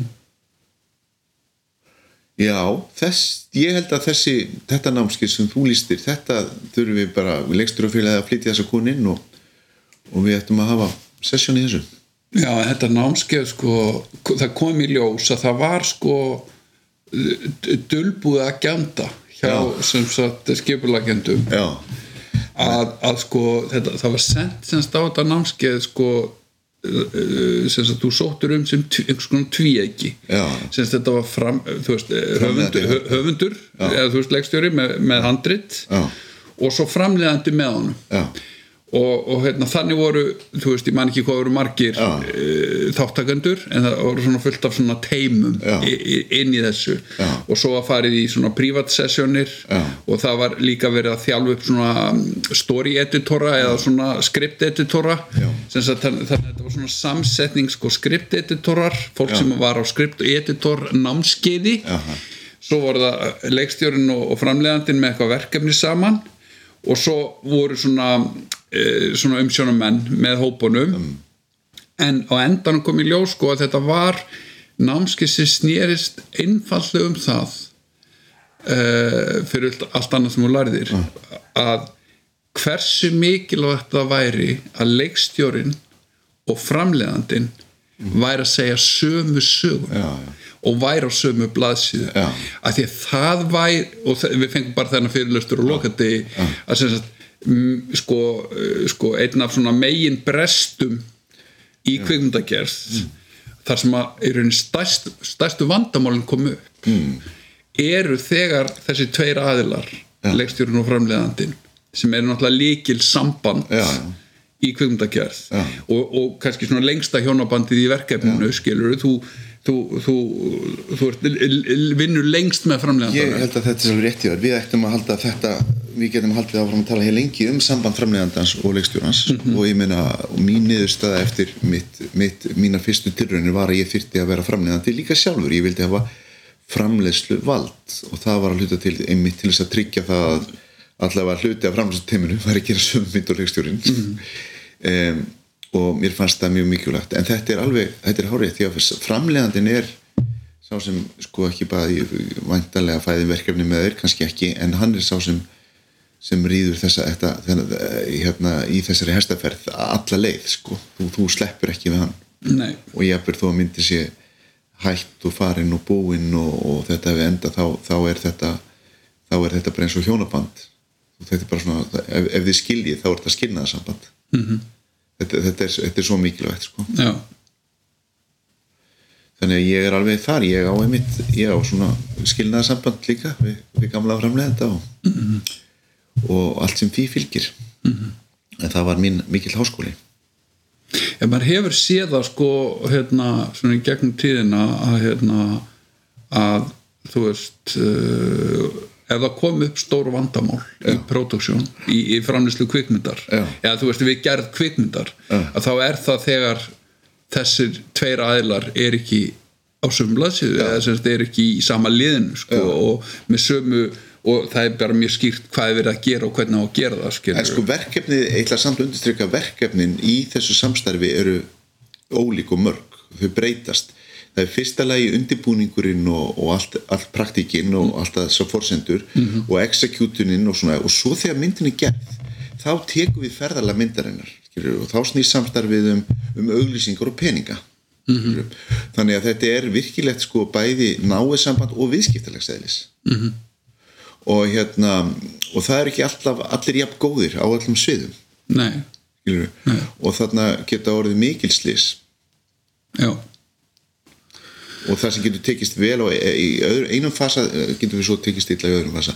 Þannig ég myndi segja að þetta er verður mjög, ég held að það kannski það sem er frábært við þennan kvikmynda háskóla sem við erum að koma á fót er einmitt að þarna verða aldrei upp framleiðendur og leikstjórar í sama skólanum sem ná að teng- tengjast og kynnast og skapa ykkur tröst og teimi og fá ykkur að mentun um hvert verkefnið er.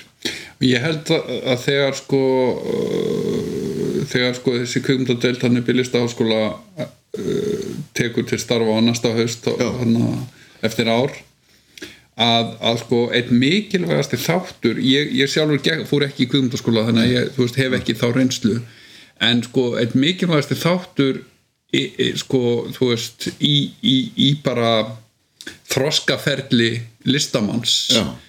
er í einhvers konar samskiptum við annað fólk eða sem sagt að mynda einhvers konar líkil sambönd Já.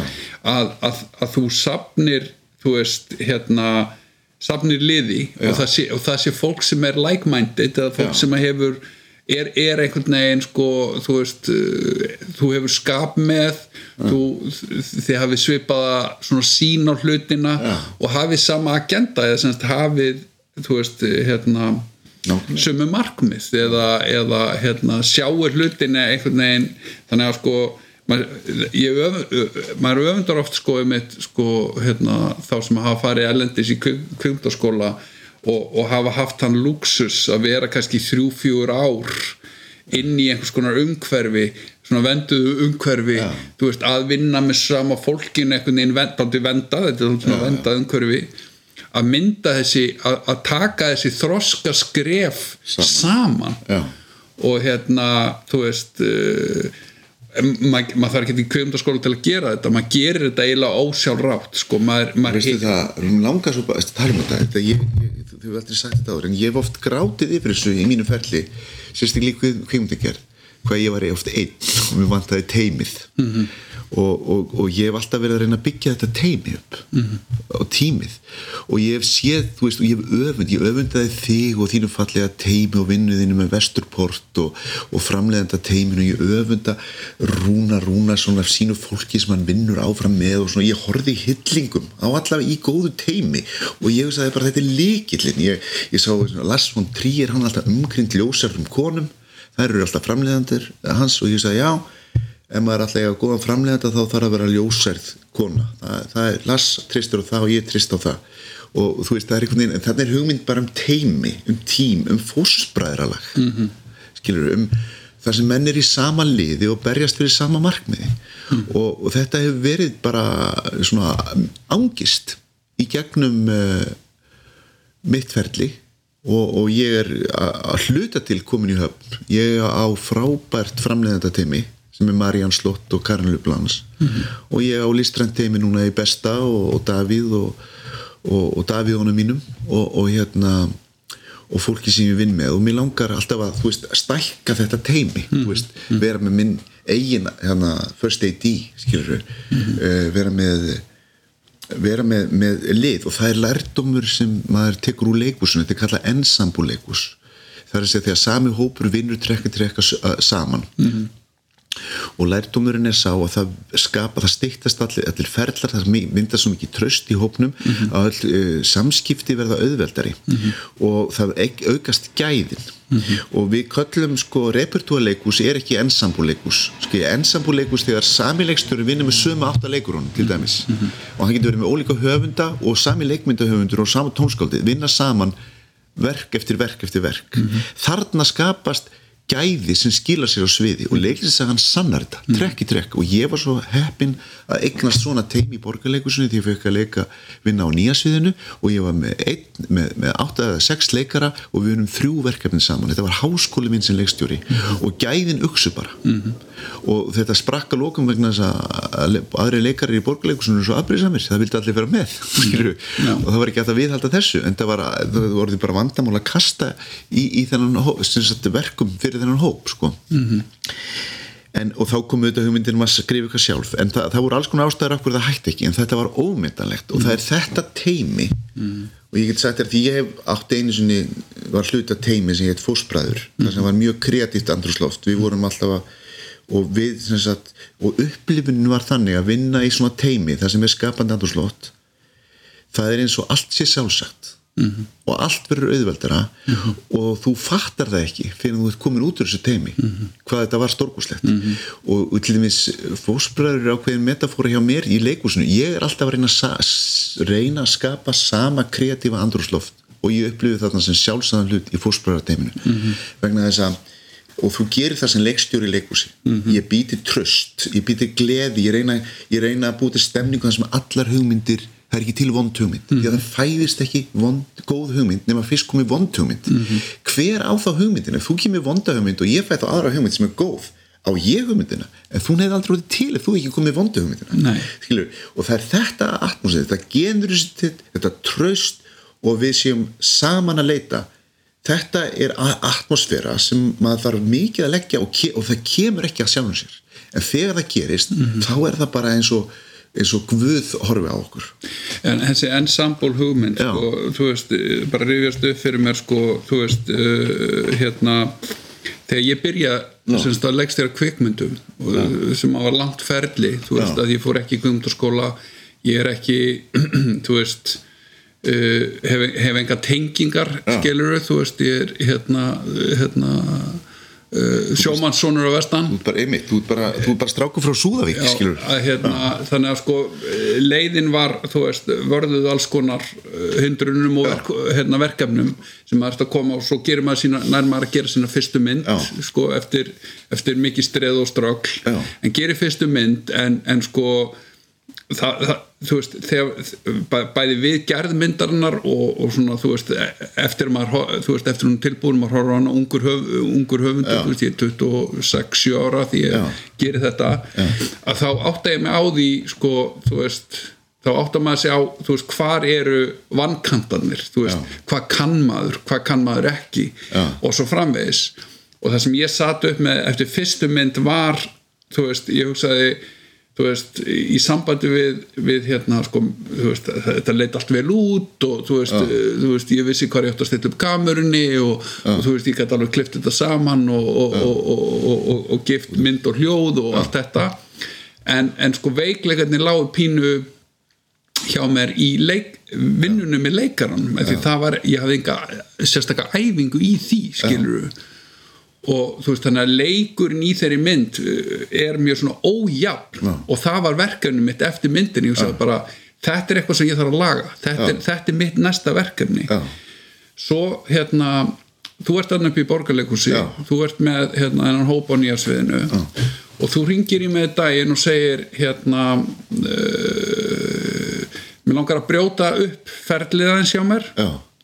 Þú veist, uh, þú var, ég man ekki hvert verki var sem varst að setja upp þá og, og hérna, þetta voru nokkuð verk sem hún settir hérna yfir veturinn Já. fyrsta veturinn hana á nýja sviðinu og, og hérna og baðist mig um að koma inn einn dag, Já. þú vildir gera svona einhverja tilraun að ég kæmi inn sem sagt þú væri með námskeið í kvikmyndaleik fyrir sko leikarana en ekki leikarana sjálfa Nei. heldur personur Já. sem þau myndu búa til Já. sem væru andstæður við personar sem væri að fara að leika í verk, í þessu verki í, í Já. þannig að þú varst bara með svona þú veist, þetta var svona marathónspunni þetta var þurfti að hafa trúverðið á kvikmyndagerðamann já, þannig að hérna, og, og, og, og ég semst tek þetta að mér að, gera þetta, koma hann inn og, og kem hann bara inn og með kameru og, og, og hitti þarna átta manneskjur, segjum það, ég man ekki hvað voru mörg. Já, og er með námskeið í kvöngdaleg fyrir þessar personur í rauninni skilur, en þau náttúrulega, þetta var bara spunni þetta voru leikar í, í,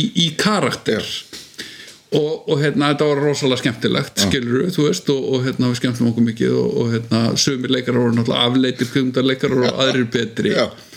Og það var alveg, þau voru alveg í karakter hvað sem við vorum inni á gólfi að æfa senur eða kaffi eða í hátegismat eða hvað það nú var. Já, og ég geng út úr þessu og hugsa hérna, vá, þetta er þessi hugsun, skilur, þessi ensemble hugsun. Og þá var ég byrjað að stúdera sko Cassavetes Já. sem var einmitt ensemble maður. Hann var náttúrulega leikhúsmaður. Já, og þegar hann fer að gera kvikmyndir að þá í rauninni sko býr hann til fjölskyldu. Hann býr til svona uh, kol, uh, kol, kol, eitthvað svona kollektíft Já. uh, af fólki Já. eitthvað ensambúl Já. af leikurum og kvimdageramönnum Já. sem að leggja stað í ferðalega að gera kvikmyndir já, og hann gerir faces og fleiri myndir hérna, þú veist, 50 og eitthvað og, og, og 60 og alveg framöndir 80 og eitthvað og hérna, ég fer hann út og hugsa bara, svona opnuðust fyrir mér þú veist það, ég, ég fæk bara hugljómun. Já. ég hugsaði bara, já, þú veist hérna uh, okkur ekki bara að gera kvikmynd Já. sem að er bara með þennan fókus, þennan ensemble fókus bara leikhópur spuni, búið til karaktera skiluru, þú veist, e e- eitthvað. Já. og ég, fyrsta samtali sem ég átti þú veist, eftir þessa hugljómun var ég fyrir náttúrulega bara ringi í, borgarleikustjóran sem var þá Gíó og, og segja við hann herru, hérna, ég er með hugmynd að gera kvikmynd. Mér langar að gera kvikmynd.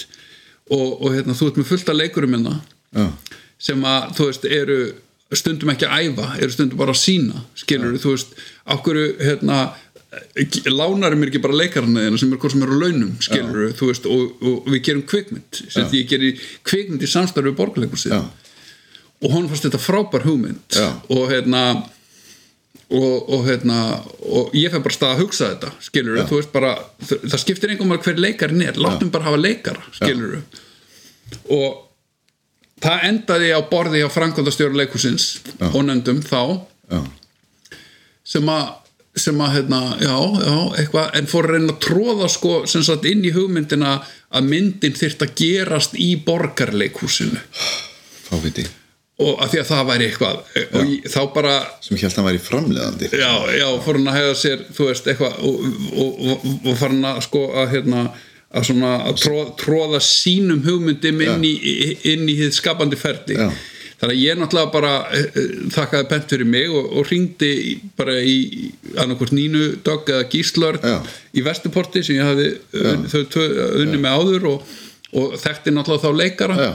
Og kom með þessa hugmynd og úr, úr, úr, úr var svo börn og fóreldrar tveim, tveimur árum setna eða þreimur árum setna eða hvað það var sko. þannig ég er líka guðfæði þinn þannig, að þú, þannig að þetta síndur og þér hafði þau áhrif Já. líka sko. og þetta með þetta ensambúl að búa til fjölskyldu uh, semst, uh, að vinna með sama fólkinu aftur og aftur. Uh, það er það, er svona uh, sko þú stýttir leiðina að hinnu góða. Já, ef þú vinnur oft með fólki. Já. og, og hérna, því gerir börn og fóreldra mm. að þá, þá hugsa ég sko all, allir sem að vinna á þessari mynd já, er fólk sem að mér langar að vinna með. Þannig að þú veist, ég gerir fyrstu myndinu minna og, og, og hún var framleitt sko af af Zigzag með, með hérna, kveikmyndasamstipinni Já. ég var ungur og óreindur uh, þekkt ekkit mjög marga. Já. þannig að þú veist uppi staðan af krúinu var kannski fólk sem að þú veist, ég þekkt ekki Já. og, og valdi ekki í rauninni sjálfur skilur sem samstagsfólk Já. og hérna uh, fyrir utan kannski þú veist, tökumanninn og tónskáldið eða eitthvað svoleiði skilur þannig að þú veist, ég var að vinna með fólki sem að mér voru útlutað, skulum við segja. Já, en þarna ákvað nú ætla ég að búa til mína fjölskyldu. Já, og, og hérna ég hafði unnið með Berstinni Björgúls í Fóstbræðurum uh, sem sagt loka seríu Fóstbræðra. Já. og, og, og hérna og hann bara, hann seldi sig bara á það verkefni, vildi bara gera það skilur þú veist, eh, ég þekkt hann ekki. Nei. en hitt hann bara, já ok, allt í fína Já. uh, og hérna og, og, og bara mynda alls konar sambönd við fólk. Og ég hugsaði, ég ætla að búa til fjölskyldu sem að fer í sama ferðala og ég. Já, þannig að ég valdi með mig fólk þótt að ég hafði gert kvikmynd áður þá valdi ég með mig fólk sem hafði aldrei gert kvikmynd áður en sem sagt aldrei haft þú veist, í, í leikilstöðu sem, sem tónskátt hljóðhönnur, tökumæður aðstoflegstjóri, hvað nú er. Já. Og valdi fólk sem hafði þú veist va- var komið með þekkingunum til að gera það En en, hafði ekki fengið breykið. En allt fólk sem ég kunni við og vissi að, að myndi þroskast og þróast með mér í verkefninu og takast á við það af, með heilum hug og metnaði.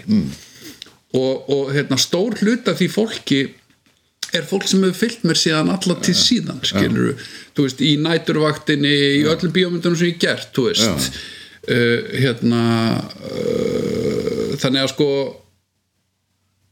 ef maður hefur þetta fólk þá er maður örugari þú veist, maður er maður þarf ekki að búa til sko, maður þarf ekki að leggja þú veist, uh, hérna jarðvegin undir vegin, skilur, maður getur bara malbyggast sko, þú veist, að því að það er búið að byggja upp líkilsambönd en þetta er orðið samt mjög erfitt í dag og ég hef verið að reyna þetta þess að ég fæ ekki fólki sem ég vil vinna með af því það er svo upptekið við eitthvað annað. Já, og sérstaklega hefur kvikmyndasjóður skotið mig oft í fótinn og aðra kvikmyndagerða menn með því að koma rosa seint með grænljósið. Það þýðir það að maður gat ekki ráðið fólkið í tíma.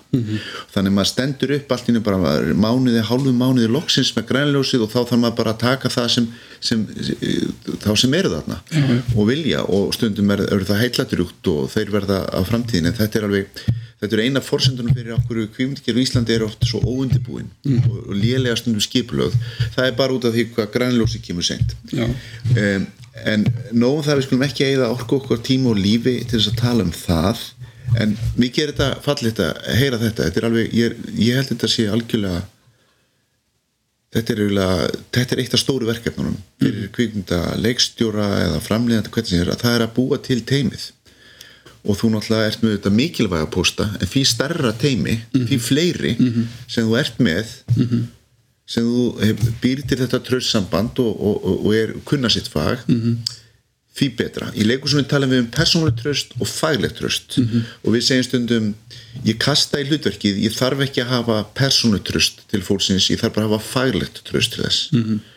Þú veist, ég myndi ekki kasta besta vini mínum, þú veist, í Hamlet að því að ég hef ekki faglegt tröst til hans, þó ég hafi persónulegt tröst til hans, mm -hmm. og ég myndi frekar kasta Klaus Kinski ef hann var á lifandi, en ég hef ekki persónulegt tröst til hans, hann, hann er brjálæðingur, en, en faglegt tröst hann geti gert þetta. Þannig að við erum oft að, að vinna með þessa hluti en í grunninn þá þegar þetta fellur saman þá, þá, þá verður til auka orka. Þegar þú bæði faglegt og persónulegt tröst til fólks já, og allir trista hverju öðrum faglega og persónulega. Já. En þetta er líka sko ég, ég myndi segja sko hérna að casting for lack of better word leikar á val. Mm. og, og það snýr líka um val á krúi. Bara að velja fólk í verkefni. Mm. velja rétta fólki með þér í þetta tiltekna verkefni. Já, að það er 90, í rauninni 90% af Já.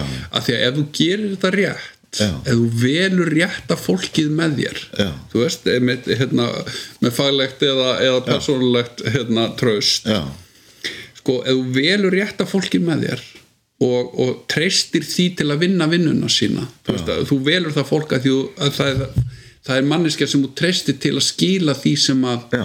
þú ætlar þér að, að, þín, að, að uppfylla þína sín á verkið og treysta því fólki að velja svo með sér fólk. Ég menna að þú velur tökumann að þá treystur honum til að velja með sér töku te teimi þú Já, veist í hann er með sitt teimi það er að vera tröst og ég sko, þú veist, treysti fólki til þess en ég, ég, ég samt segja alltaf sko við alla mína listarinn stjórnendur já, og framlegandan líka sem er einn af listarinn stjórnendunum Já. ef að það samband er rétt skiluru að, að hérna sko ég bý til leikreglur.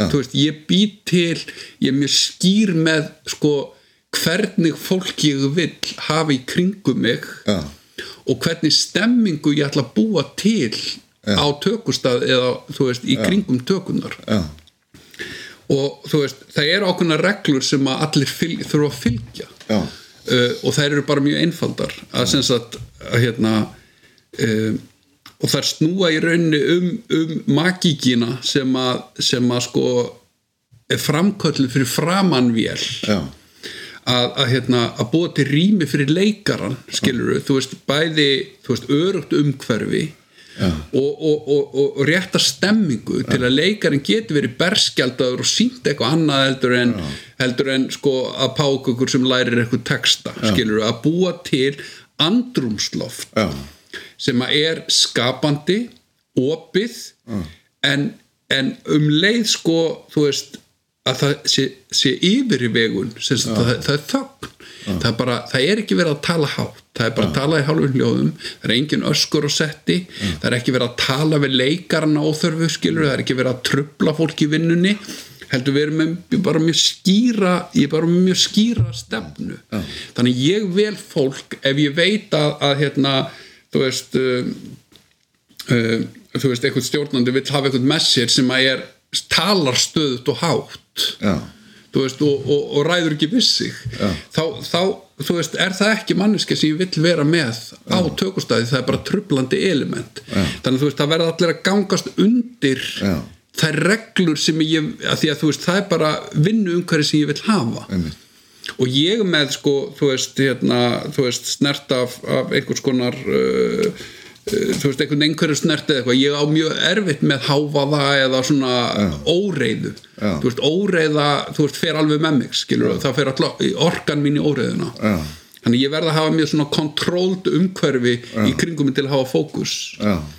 Og hérna og það er ótrúlegt sko sko hvað fólk ef það veit til hvers er ætlast af því já, ef það veit hver sín leikstjórans er og ég gef öllum í krúinu uh, semst, og ég bara, þú veist, annarkvort bara tek fund með öllum, bara í öllum hópnum eða sendi tölvupóst eða eitthvað þetta er mjög bara svona útlista þú veist, Stjórnarskrá.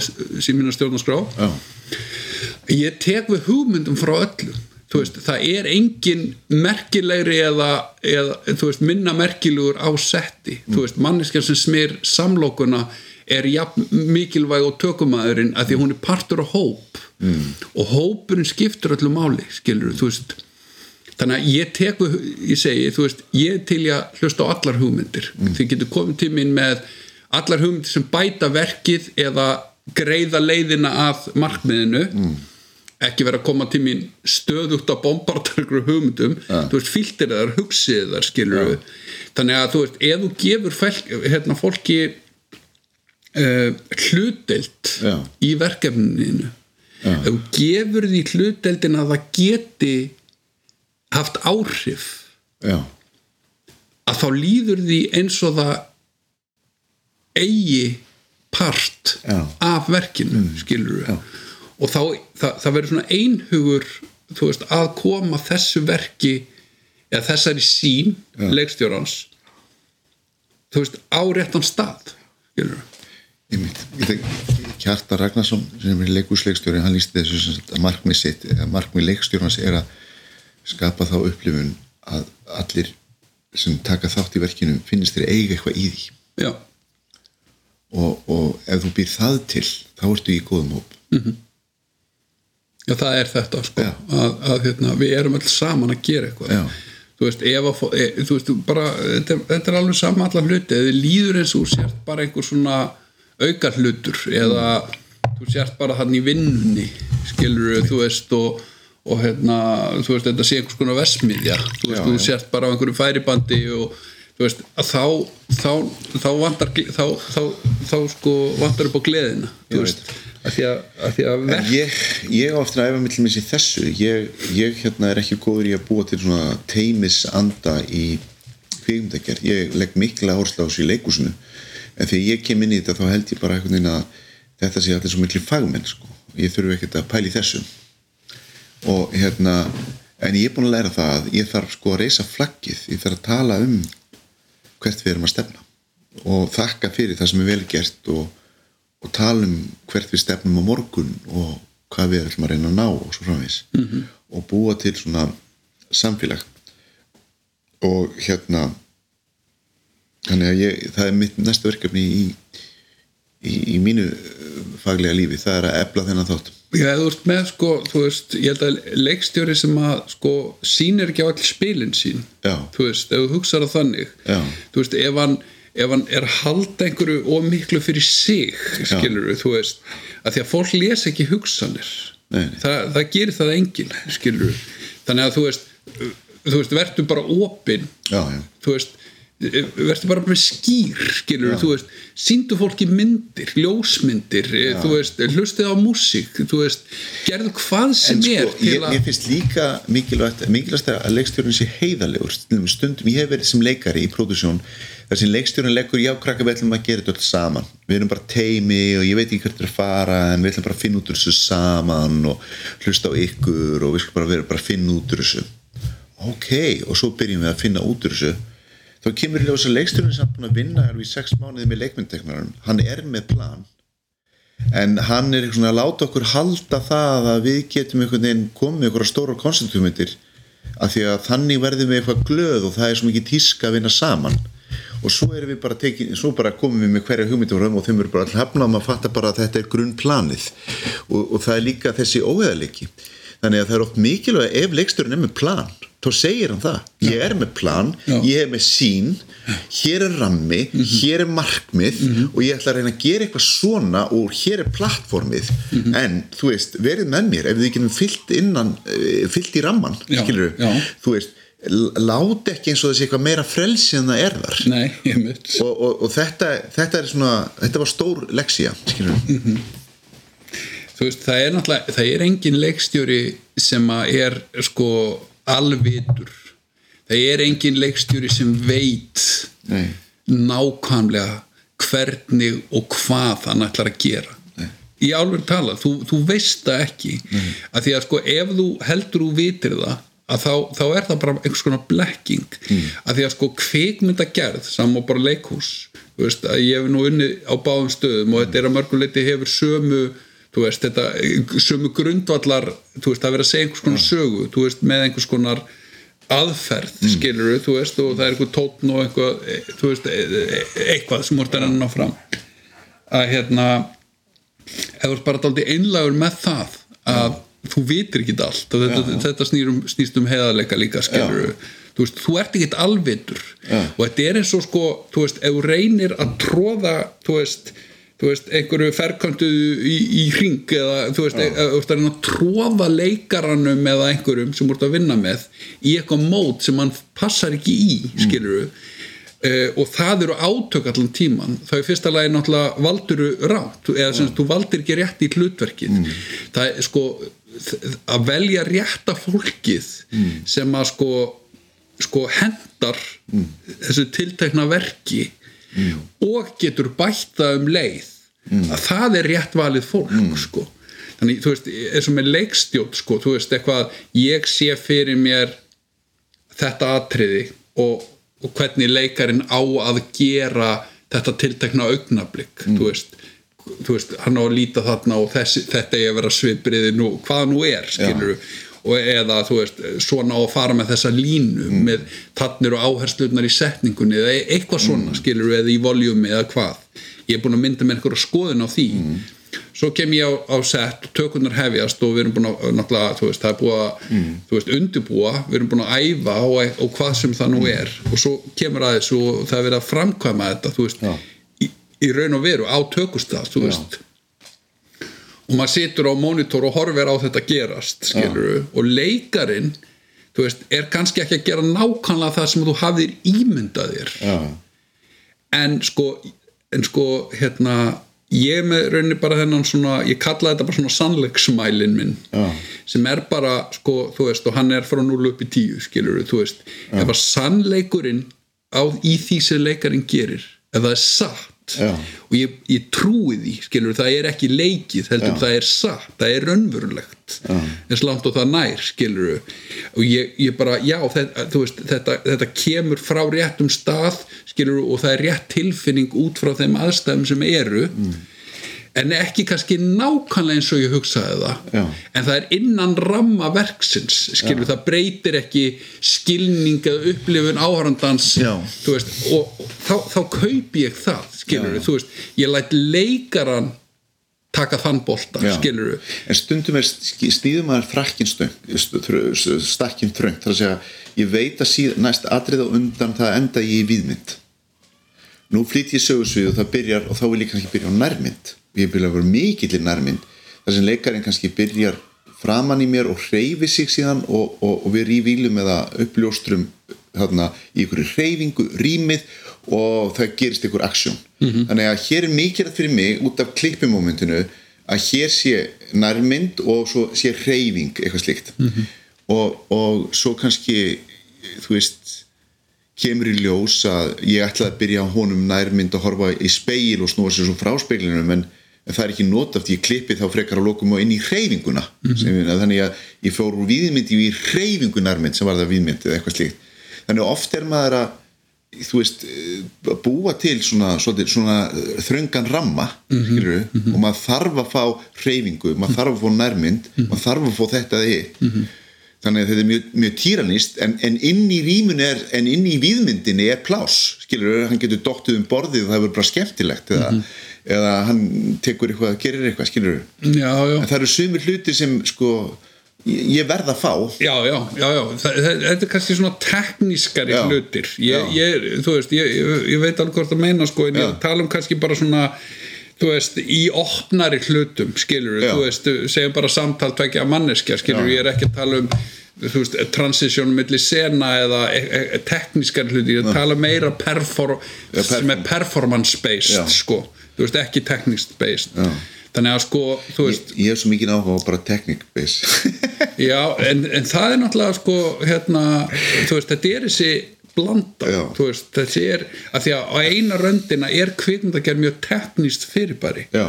Þú veist, hún snýr svo mikið um, um sko sem sagt, tækni Já. um leið og þú ert að reyna að fanga eitthvað svona sannleika. Já, ég fann að gera eitt sko, að ég tók, þetta sem gagnaðist ágætlega að ég tek upp ykkur að senu, eitthvað, slott og hérna og við gerum það, þegar ég er ánæður uh, svo byggjum um eina versunni viðbót sem er bara þéttari, hraðari -hmm. allt meira flæði -hmm. og, um, og það er til þess að eiga möguleikan í dýnamíkinni sko, þú veist eiga hægutökuna eiga hröðutökuna -hmm. og, og það er mjög oft sem að sko það er ekki alltaf þannig en, en þessar hröðutökur að því það eru tekna seinast þær, þær verða mjög heillandi sko. Það er mjög gott að eiga eina sem ég kalla þétta, það er hætturögt fyrir leikara að fá til instruksjónuna meira tempó eða hraðar, vegna þess að stressa leikaran þannig að segja hún finnst að þurfa að flýta sér.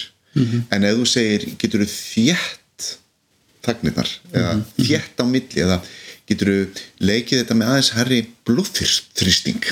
Hjartað í þitt innra tempó er aðeins örara. Búið til eitthvað svona jákvæð instruksjón. Um, það er oft gaglera. Þetta er svona lítið tek, teknist atriði. Ég bara, mér finnst þetta ég kasta þessu þannig út í univers bara fyrir unga leikstjóra sem þurfa að hugsa um dýnamík Já, ég held að, að hérna, þetta, er- þetta er mjög gott sko, þú veist eh, þú, þú ert í rauninni með sko, þú veist, svona á ekstrím skilur við bara einföldum það þú veist, þú ert með sko, eh, sko kvikmynd. Já. Sem að þú ætlar að klippa mikið þar sem þú coverar uh, uh, senurnar frá mjög mörgum vinglum Já.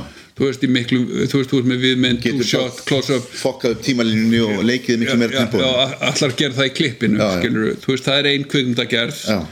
uh, og svo er önnur kvikmyndagerð sem er, þú ætlar að leysa í rauninni atriði í mynd. Eða sem þú ætlar að leysa það órofið. Til að hafa dýnamík í skotinu. Já, þannig að sko, þú hugsar kannski inn í þessu tiltekna skoti eru nærmynd, víðmynd já, er viðmyndin, nærmyndin þessi reaksjón yfir í two shot en þetta er kvikmyndagerð. Já, en já, ég meina það er, þetta eru tvær, tveir skólar á, á, ef við einföldu það mjög mikið. Já, já. að þá er það sko leikstjórin sem að covera hluti já, sem að tekur bara vinkla Já. veit, bara nefni David Fincher sem er Já. hérna, svona gott dæmi um þann mann Já. eða þú ert með skilur, þú veist uh, Spielberg oft skilur eða, eða hérna, þú veist Paul Thomas Anderson eða, eða Lynn Ramsey að Fellini eða Polanski Pola, þú veist það er bara fullt af fólki Polanski Já. uh, sem að sko þú veist hugsaður bara ok hérna ég ætla, ég ætla til shape, tension, energy í einnum ramma já, að búa þetta til Kubrick. allt og stjórn Kubrick að Já. búa þetta allt til þú veist órofið því þarna er rosalega er tímalínan Mhm. -hmm. tímalínan er ógæslega verðmætt og hún dregur inn áhrandan Mhm. -hmm. spyrja sig alltaf, eða þetta er meðinspurning þetta, þetta var var þumfutareglar frá Rúnari Rúnarsinni af hverju klippa Mhm. af hverju er ég að klippa þú veist, það þarf að vera stíl Mhm. það þarf að vera eins og þú segir. Þá er þetta mynd sem er skotin í, í tætlur og ég ætla síðan að í klippuborinu að búa til dýnamíkina með þessum brotum. Eða ég get búið til shape, tension, energy. Ég get klift myndina í, í einni tökur þú veist. Ég held að þú veist, það eru rosalega mörg dæmi um þetta í Tarkovski þú veist hvernig hann býr til e, veist, ógislega hægamynd sem er ógislega spennandi af því að þú veist, það er svo mikil dýnamík í koreografíunni. Hvernig nærmyndin hann færir sig við sjáum annan bakgrunn og, og allt í hennu lifnar eitthvað við og stundum bara fyrir myndafinn sjálf á stað skilur, horfið til vinstri skilur, og hérna og þetta að að gera, gera, gera búið til skot sem er svona hlaðið spennu að það bara má ekki klippa það. Og það er oft sem mér finnst leikur njóta sín betur þarna. Góður leikur er nær betur sambandi við áhrandur ef tímalínan er lengri í skotum -hmm. ég meina ef við skoðum Godfather sjáu hvað skotin eru oft löng -hmm. þó að það sé dálítið kliftar -hmm. en það sé gott að því að tæmingar leikarana sem eru frábærir þær fóða að njóta sín -hmm. það er þetta að geta átt beautiful, organic, góða tæmingu leikarana og byrja ekki að fokka hann upp með einhverju klippi. Þú getur þetta bjarga vondum leik og þú getur líka eigðilagt hann. En það, ef, ef þú ætlar að, að hérna uh, gera kvikmynd á þennan máta það sem að tökurnar eru langar eða sem sagt, sem að teikið er langt að senan er kannski afgreitt í einni, tveim tökum Já. Og, og hérna myndavillin er að búa til klippið að þú Já. ert að þú veist, hún er á einhvers konar reyfingu í rými til að það sem að þú, í raunin, þú ert með nærmyndin og, þú ert með viðmyndin og þú ert og, og og svo já. er eitthvað, revíl og svo framvegis skilur en, en til, að, til að sko það standi svo í sagt til að verði ekki hausverkur Já. af því að þetta er rauninni gefir það ekki nú allar frá jump cutta sem er kannski ekki, ekki stílinn sem er á þessu tilhörna verki að þá verður atrið að standa skilur við, annarkort er það í myndinni eða þú bara reynilega þarfst að sleppa því Já, já. Og, og, og sko þú að covera þig. ungir leikstjórar eða þú veist yngri leikstjórar þeir hafa oft á tíðum ekki sjálfsöryggið Mm. til að gera þessa senu svona af því að þetta krefst náttúrulega þess sem þú ræðir áður með dýnamikina Já. með tíma og tempo Já. og, og bara alla þessar hluti sem, a, sem að þú veist gera senu. Að þú verður að hafa stjórnað í öllu af því það verður að standa. Og hérna eftir því sem að maður öðlast meiri reynslu sem leikstjóri þú veist, ég finn þetta bara hjá sjálfum mér skilur þú veist, ég meina ég hef alveg gert kvikmyndir eins og börn og fóreldrar sem er bara verið að spinna fyrir frá kameru Já. og meir og minna er hvert atrið bara one shot skilur þú veist, og þá lærði maður mjög mikið Já. og eftir því sem maður gerir þetta oftar og, og æfi sig meira að þá átt að maður, þú veist, þá bara er maður örugari með hvað þú veist, hva, þú veist hvort þetta hafi virkað eða ekki Já. en ég skil mjög vel ungan leikstjóra sem að bara hugsa bara ó, ég, ég veit ekki hvort þessu gott. Ég ætla að taka nærmyndin og þarna og ég ætla að gera hitt og, og Já, allt en hann þetta. getur coverað sig bara með nokkur nærmyndum. Nú gerum við eitthvað sequence Mhm. af einhverju og, og þú heldur þetta virki en þú tekur bara til öryggis uh, þrengirramma skilur við, Mhm. af andlitin á honum eða hendurnar á honum eða einhverjum hluta Mhm. og eða e- einn master eitthvað, þú átt eitthvað, eitthvað, eitthvað sem sagt, e- exit. Eitthvað cutaway þú átt eitthvað möguleika á köttavei til þess að stytta tímalínuna Mhm. Og þá, getur, vilt, þá ferðu kannski aftur í þetta skot bara setna inn í það Mhm. og, og, og það virkar þá eins og nýtt skot af því að kameran hefur hreifst þetta, er, þetta er alveg, skilur við ég var alveg átt samtal við leikara Já. sem að þú veist, ég var búin að taka segjum 15 tökur. Já. þú veist, kannski 20, Já. ég man það ekki. Já. sem að kemur tíminn og segir þú veist, hvað er ég að gera vittlust eða þú veist, hvað, hverju er þetta að gera þetta svona oft? Já, og ég sagði sko þú veist, uh, sko tíminn sem, te, þú veist, þetta er kannski flóki skot skilur þú veist, Já. þetta er viðmynd inn í nærmynd turnaround trakkur þarna yfir í bíl og eitthvað bla bla bla, Já. segjum það. Og, og hérna tíminn sem tekur að gera þetta 20 tök, tökur af þessu til að ná þessu rétt Já. til að performance sé réttur eða góður uh, mynd, það sé bara í fókus skilur þú veist og allir hlutir gangi upp. þarf oft margar tökur að þetta er teknikli flókið skot skilur uh, þannig að allt þarf að Ganga að upp. á þeim tíma sem það þarf að ganga ekki bara leikarinn. Ekki bara leikarinn. En, en tíminn sem að tekur mig að taka þessar 20 tökur Já.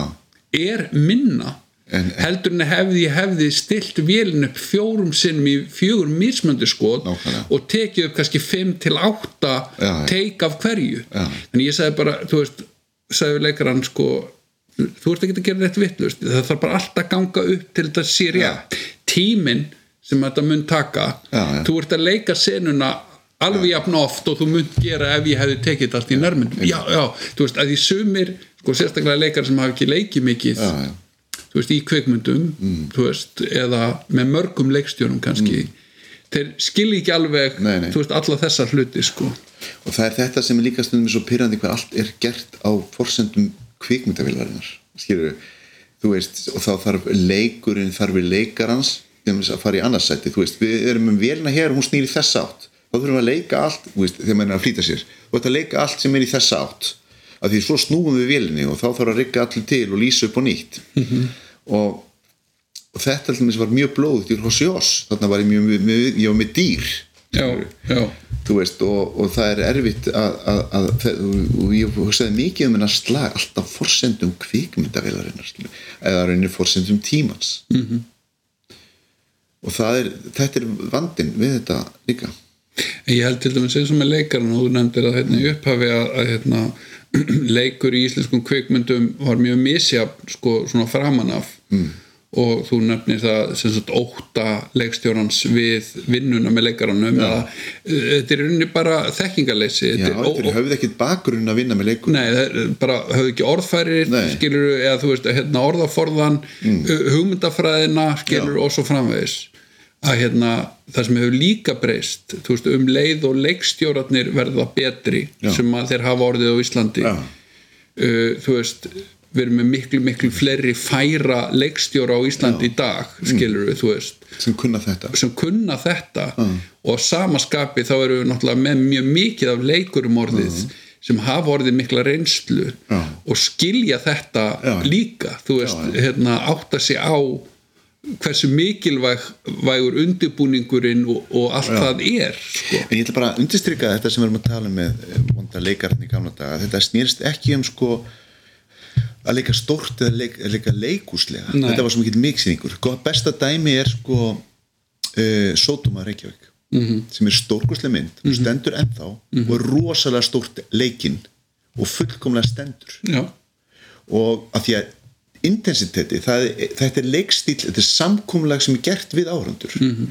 og þú veist fyrir þetta hvað hva, motivasjón karatersins er, er fárunleg Mhm. skilju, að elda þessa fjárstýringu en sko þannig að þe- þetta er svona gott dæmi um hvernig við getum hækkað spennuna í leikstíl. Ef það er konsekvent þá kaupum við það. -hmm. og þetta erum við að gera í, le í leikusinu ef þetta er farsi eða við viljum leika stórt eða við viljum leika realist eða það er bara að, að við séum sammála um það. Og ef við ætlum að lefa í tvo, tvo leikstíla í gangi þá þarf það að vera einhvern veginn við þurfum að selja þá hugmynd í rauninni áhörundum búið til samkomlega um það.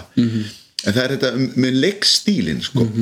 og þarna uppkvitaða maður í þessum myndum sko hvað menn voru ekkert veginn ekki í sama leikstíl í, í, í, í, í þessum kvikmyndum og, og í þessum þessari, þessari á þessum áratugum þarna sem, sem maður ég uh, fekk hrollin já, ég held líka sko að, að hérna þetta með sko, þú veist maður mað rekst á þetta ennþanda í dag sko, þú veist, hjá svona einum og einum uh, hérna einu, net, einu og einu nettrölli sko, þú veist að uh, íslenski leikarar get ekki leikið leika, þetta er alltaf svo sviði og eitthvað svona. Já, þú veist, það er þessi mýta með að, að, þú veist að, að hérna, leikarar sko hafa ekki reynslu eða komum úr leikhúsunum. Já. þetta er náttúrulega bara bull sko.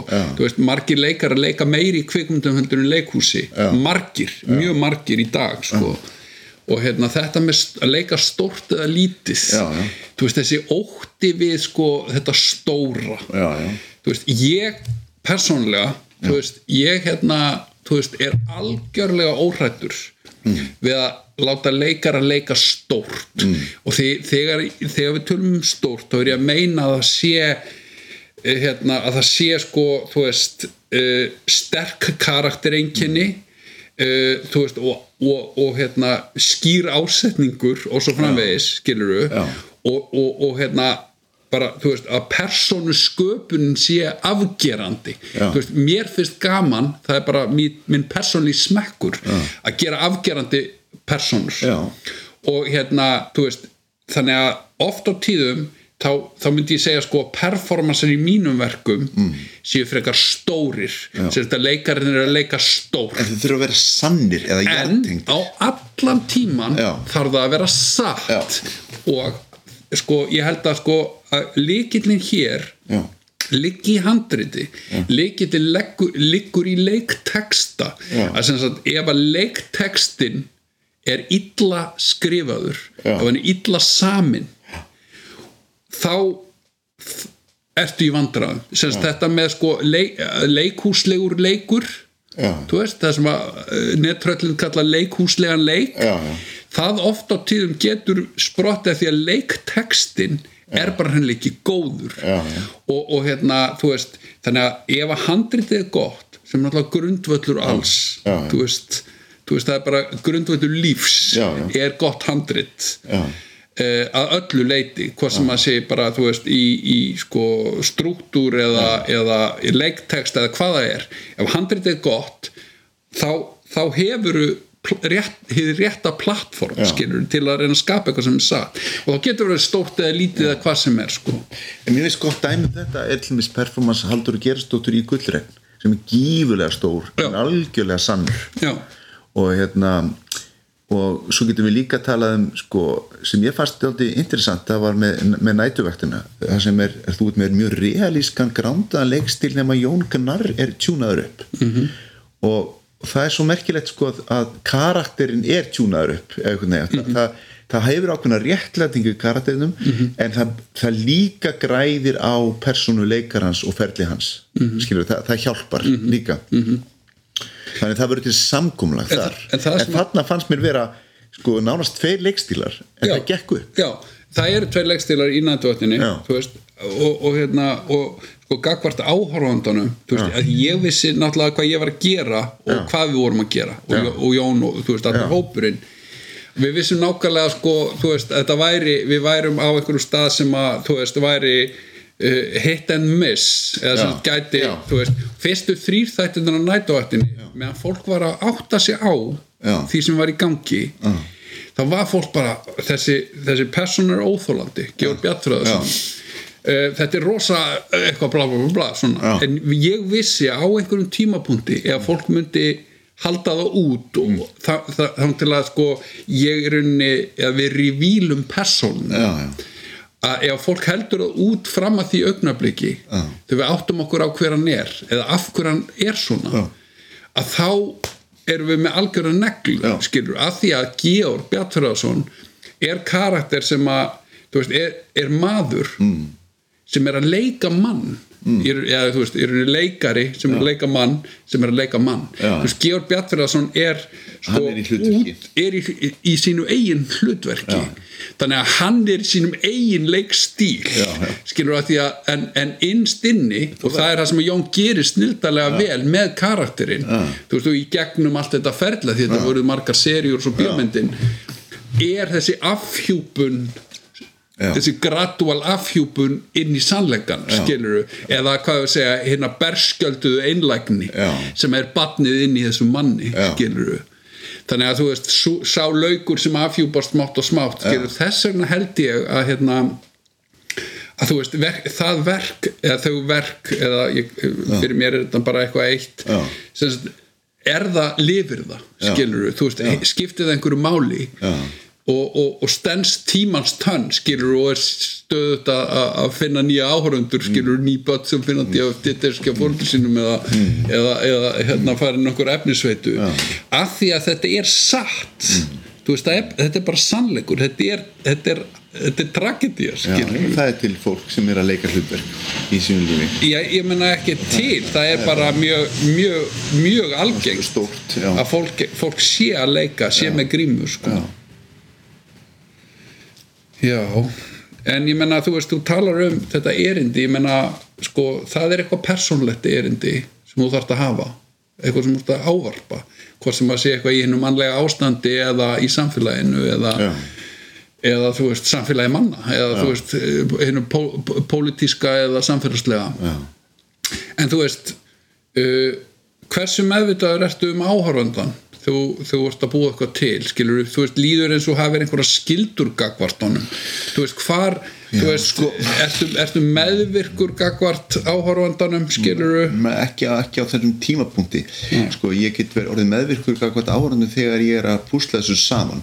Þá er ég orðin blindur og þá vil ég sína þetta öðru fólki til þess að finna viðbröðin og þá mun, er minn meðvirkni með, hún nýtist mér sem, sem barómetir þá er þarf ég ekki að tala við áhörðundur eftir að ég hef séð sýningun eða, eða, eða grófklipp með áhörðundum þá finn ég hver hluturinn virkaði og virkaði ekki. En, en þarna finnst mér mjög uh, mikilvægt í lokametrunum. En sko, en ekki í rauninni, þú veist, ég er minn eigin markkópur rauninni fram að því. -hmm. og ég get líst þessu stað erindi, má kannski, það má kannski líta á þetta öðruvísi.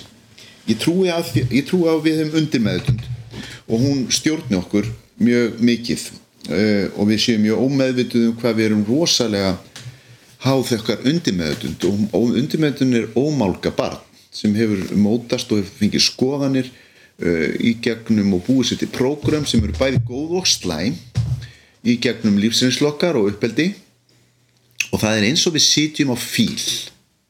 Og fílinn er undir meðutundin og við með prikir sem erum að reyna að stjórna fílnum við hérna eh, ítum á hann og segjum hægri vinstri. Og fýllin hann, hann gerir þetta ef hann er sammála þessu sko.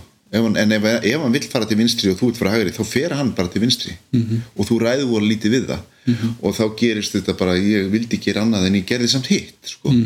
þannig að það, þessi stóru kraftar og það sem ég áfið með erindi er að þá þarf að falla, fýllin þarf að vera sammála þínu erindi, þín eigin undir með veist, vitundin um að gera svona mynda því það er svo rétt og gott og þú fær peninga til þess mm -hmm. það er ekki nóg að vitundin takið ákvörðun. Undir meðutundin þín þarf að vilja þetta. Mm -hmm. af því það er krafturinn frá henni sem á að fleita þér alla leið. Mm -hmm. og, og þess vegna er þetta leitin að erindinu er rinni eins og, eins og leitin að, að hvert vill undir meðutundin mín stefna. Hvert vill fýllin í mér. Hvað finnst fýll, fýllnum mikilvægt En ég menna hversu mikilvægt er sko að þú sért meðvitaður um það sem þú ert að gera að því að sko þú farið hugmynd Já. að einhverju sögu og hún sækir á þig og þú ert kannski ekkert búin að 100% greina af Nei. hverju þessi hugmynd sækir á þig umfram Þetta er hárrétt sko. og ég má ekki vera ofgreinandi þar og þarna á ég eldi í orkuna. Mhm. ég er bara hvað er gaman, ég er gladur þetta langar mig að gera. Það er bara mynd ómalga, fýllin vill bara gera þetta. Mhm. en ég, vitundinni hefur enga intellektual skýringar á því. Ekki strax ekki strax, ekki strax. Nei.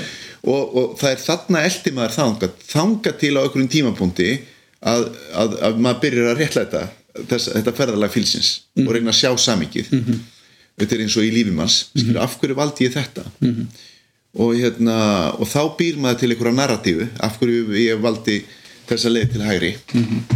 Þó að það er bara fýllin gerði það og mér fannst það ógislega skemmtileg og góð leið og ég vissi ekkert hvert við vorum að stefna.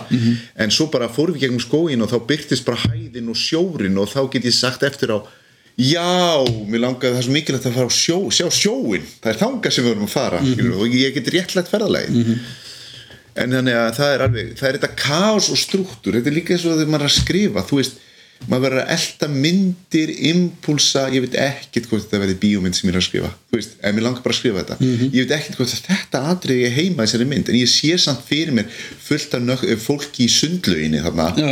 og það er að horfa hvert annað hnén kom upp úr vatninu og, eitthvað, og ég skrifa þetta en ég veit ekkert er þetta eitthvað þarna? Og og sko svo, svo, svo eh, fíkur þetta eða, eða, eða nýtist. Þannig að það, maður þarf að þóra að vera í það sem ég kalla Dionysus. Þess að, að, að mér finnst starf mitt sem kvikmyndagerðar maður vera eins og að, að dansa milli Dionysus og Apollos. Apollos, eh, Apollo er ljó, guðu ljósins hann þarf byrtu því að hann hittir hann er með bógan og hann stefnir á að hitta í mark. Meðan Dionysus er kaosinn geitafurinn og sexið og áfengið og víman og vilda og óræða og bullið.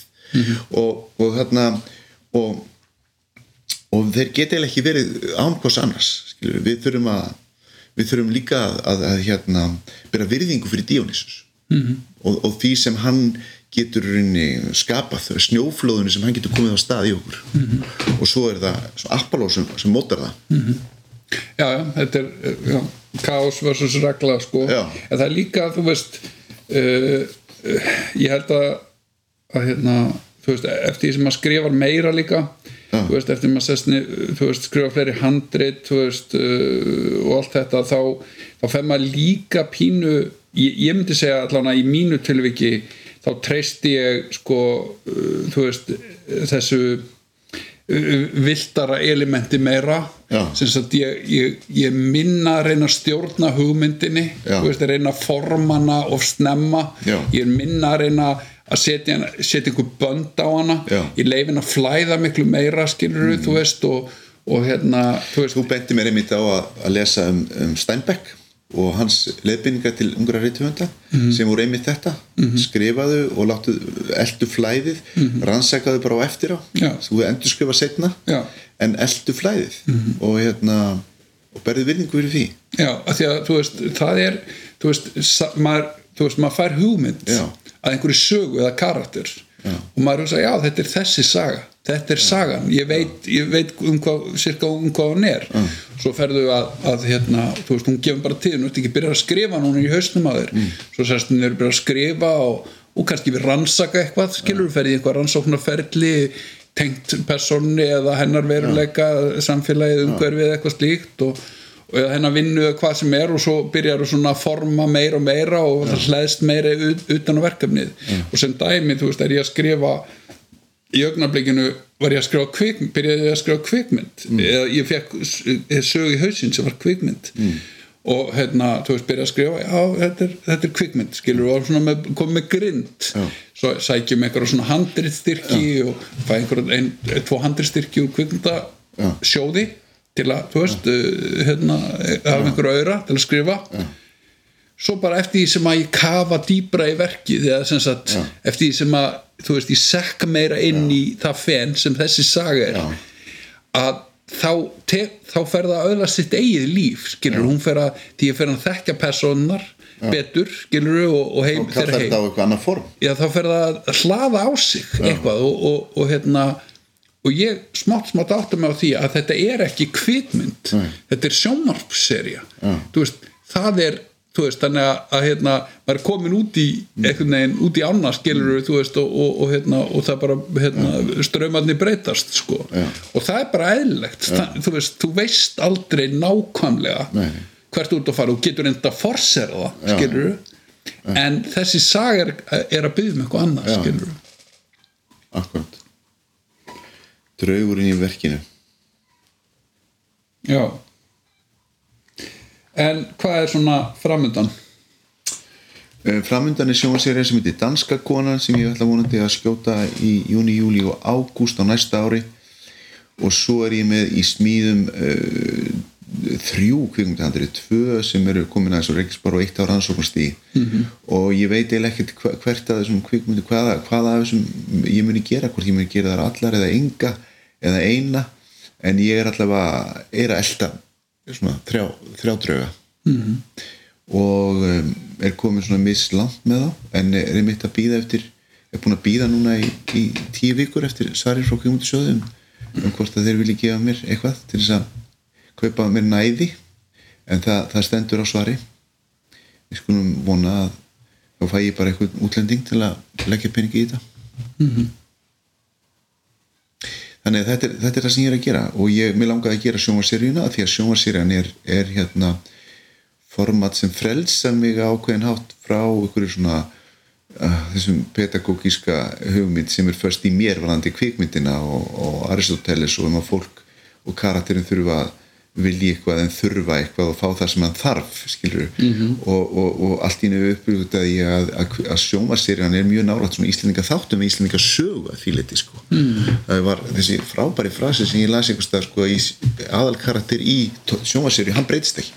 Hann lærir ekkit og þroskast ekkit hann lemur hausnum alltaf við steinin við vekkin þess vegna heldur serían áfram.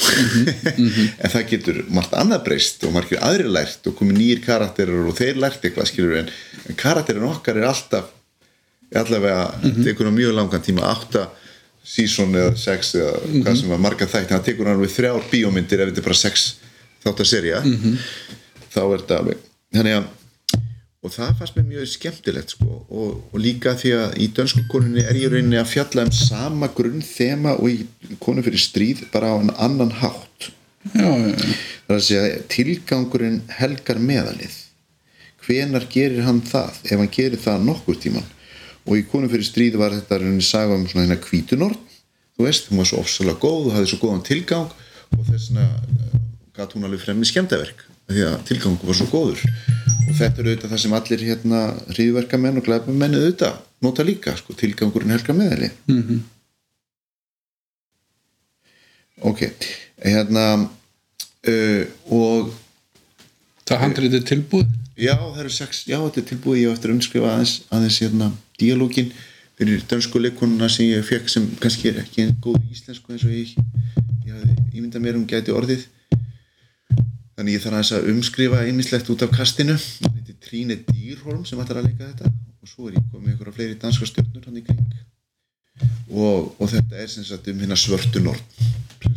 Mannesku sem, sem er ofsalega góð og réttlátt og hefur réttu pólitísku skoðunar og vill hjálpa öllum en, en síst einskis til þess að hjálpa öðru fólki. Mm -hmm. Og, og hún kann og getur því að hún er mentuð í ofbeldi hún er svona, verið í Afganistan og Írak hún er fett sem er leinfrúnsta dana alveg upp að fara framkvæmdaveldinu hún er heimsveldið, í rauninni er hún heimsveldið sko. heimsveldið með góðan ásetning kemur og hjálpar okkur jafnvel með ofbeldi, skilur að við þurfum á því að halda. Ég meina manneska sem hefur berga lífum þúsunda með því að pína lítinn dreng til sagna, mm -hmm. skilur mm -hmm. það var góð tilgangur um bergaði fullt af fólki skilur mm -hmm. og til þess að byggja upp afganst samfélag, byggja demokrati og frelsi og liðræði og mannrættindi í Afganistan, þess að ferðum henni þessar fórnir. Það, ég meina ekki hvað danski, margir danskir herrmenn dói í Afganistan? Og hérna og hvað mér fórnuði miklu þar fyrir einn góða tilgang? Heimsveldið að að færa þetta upp á upp á standard mm -hmm. og þessi manninska kemur til Íslands og flytur í Íslands fjölbylishús og hún sér þetta Íslendinga sem er að glýma við alls konar fáránlega vandamál alkoholisma eh, vannrekt gamalmenni ofbeltist neðsambönd eh, einstæð móðir skjáfíkn barna umhverfi sóðaskap og alls konar svona sem finnur í einni blokk mm -hmm. og auðvitað hjálpar hún þessu fólki þó það veit ekki að þau þurfa að hjálpa því mm -hmm. og hún Hún mun, og hún fremur alla þá glæpi sem hægt er að fremja í góðum tilgangi mm -hmm.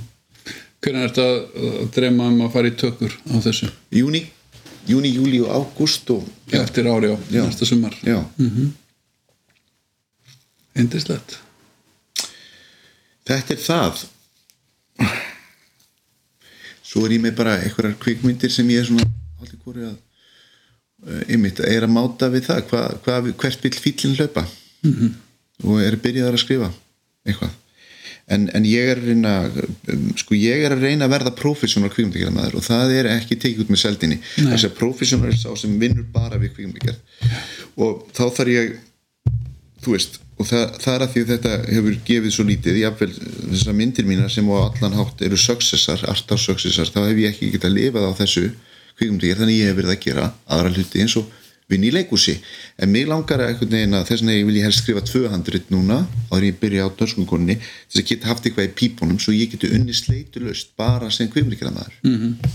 En það er kannski ef við gefum, gefum ungum kvimleikarmanni ráð að, að hérna uh, að uh, sko maður festist oft sko þú veist þegar maður er að byrja Já. þá maður með eitthvað verkefni sem er svona draumaverkefni eitthvað sem Já. maður ætlar að gera þú veist Já. og þú veist, ég eitti in the 90's, skilur á tíunda áratögnum eitti ég sko einhverjum fimm árum í að reyna að gera kveikmynd skilur, þú veist, ég var mjög ungur skilur, og, og þetta bara þú veist, ég varð að gera þessa kveikmynd skilur, mín fyrsta mynd. Og, og eitti allir í minni, meina minna allir í minna orki í það, skilur þú veist, að reyna að sigla því höfna á hvort máta. Og það var ekki rauninni fyrir bara sko daginn sem að ég settist niður og hor horðist í augu við það að það verkefni, svo mynd yrði ekki, skilur þú veist Já. þú veist, ég væri búin að vera fastur í limbói með það verkefni Já. í mjög mörg ár. Já. þú veist, ekki það að ég hef ekki gert eitthvað annað meðan, skilur en, en sko, þú veist, var á sjó eða hvað það nú er, skilur, til að hafa ég mjög á og eitthvað svona þessum milli. Að það var ekki fyrir ná augnablikinu sem ég hugsaði bara þetta er ekki að ganga upp, ég verða að gera eitthvað annað veist, og, og, og það, það kvöld skrifaði ég draugin að minni því, því sem varði mín fyrsta mynd, Já, já. það var bara saga sem var í mér, skilur þú veist, búin að byggjast upp ómeðvita nánast, Já. skilur og, og frá þeim tímapunktu að hugsa ég, ég verð að vera með allavega tvö, þrjú verkefni Já. í gangi á sama tíma Já, til að lifa af Já, skilur einmitt.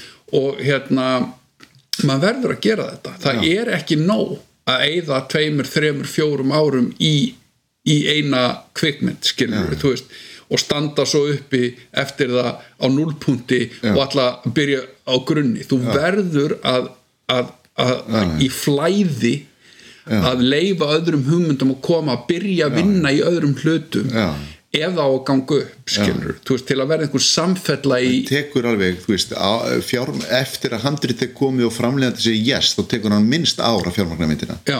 en meðal tímin er alveg sjö ár milli myndalegstjóra á Íslandi Mhm. og var það, ég man að Rossi Osk og ég átti samtal við þáverandi konu mína. Hún spurði mig í kirkjugarði uh, hún var, hún, hann langaði til að eignast fleiri börn og, og, og það var undirliggjandi motivasjón fyrir spurningunni Hva- hverju myndir þú sjá mest eftir að hafa ekki gert? Skilur mm um, að, að, að leiðarlókum og þá sagði ég að, að, gera ekki þess að hrossamynd og það var sko rátt svar því að hún var að fiska eftir að veiknast fyrir börn. Já, já. en við fengum nú bæði hvort tvekja og tvöfald af börnum. En, en sko e, þetta var 2006 og 2012 er myndi skotin. Mm -hmm. þetta eru sex ár bara í, í þetta þessa obsessjón -hmm. og stuttmyndir sem ég gerði auðvitað, og mikið leikús -hmm. og, og einleikur og alls konar þannig ég hef auðvitað geta þetta riðið tveimur hestum.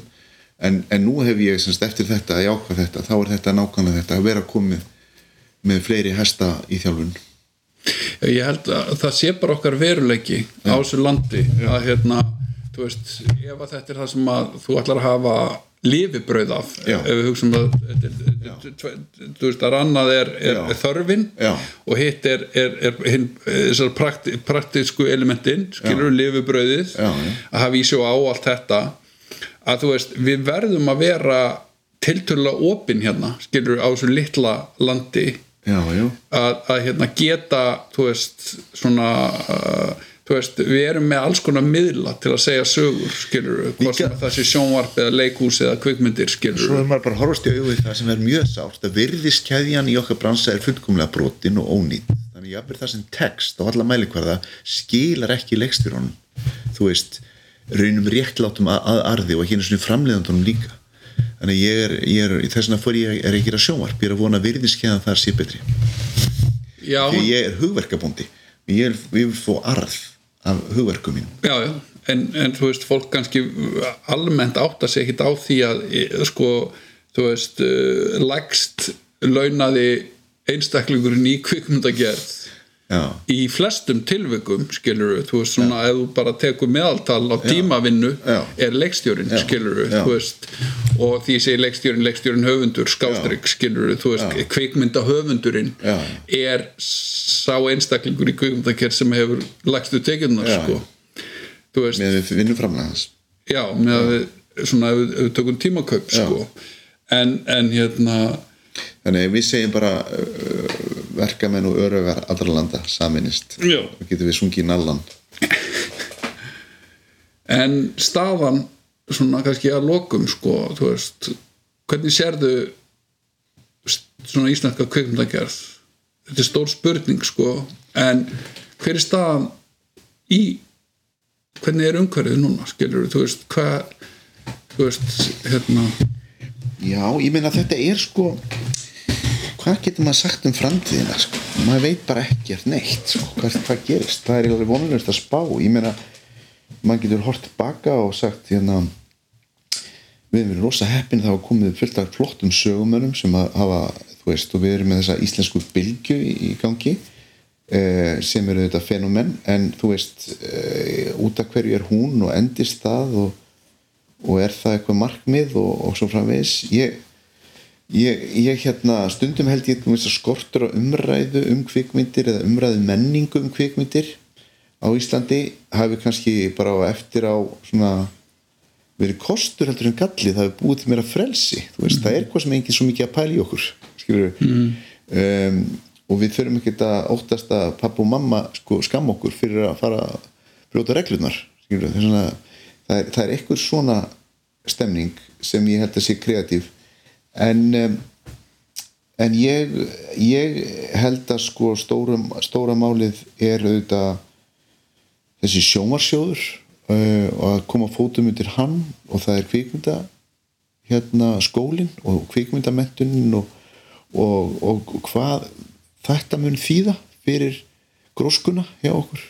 Ég held að, að hérna svona, þú veist, til lengri tíma að hérna að það að eftir 40-50 ára þurð uh, sé hægt að menta sig á háskólastígi uh, í kvikmyndagerð Já. þar sem að eru fáir nefnendur og mikið, mikill fókus á þá skilur og, og þessi samkeppni veist, í umsóknum og, og þú veist, að það sé veist, það sé þjálfaðir veist, komi út úr háskólamentun á Íslandi þjálfaðir kvikmyndagerðamenn skilur, hvað sem að þessu leikstjórar eða kvikmyndatökumenn eða hvað það er.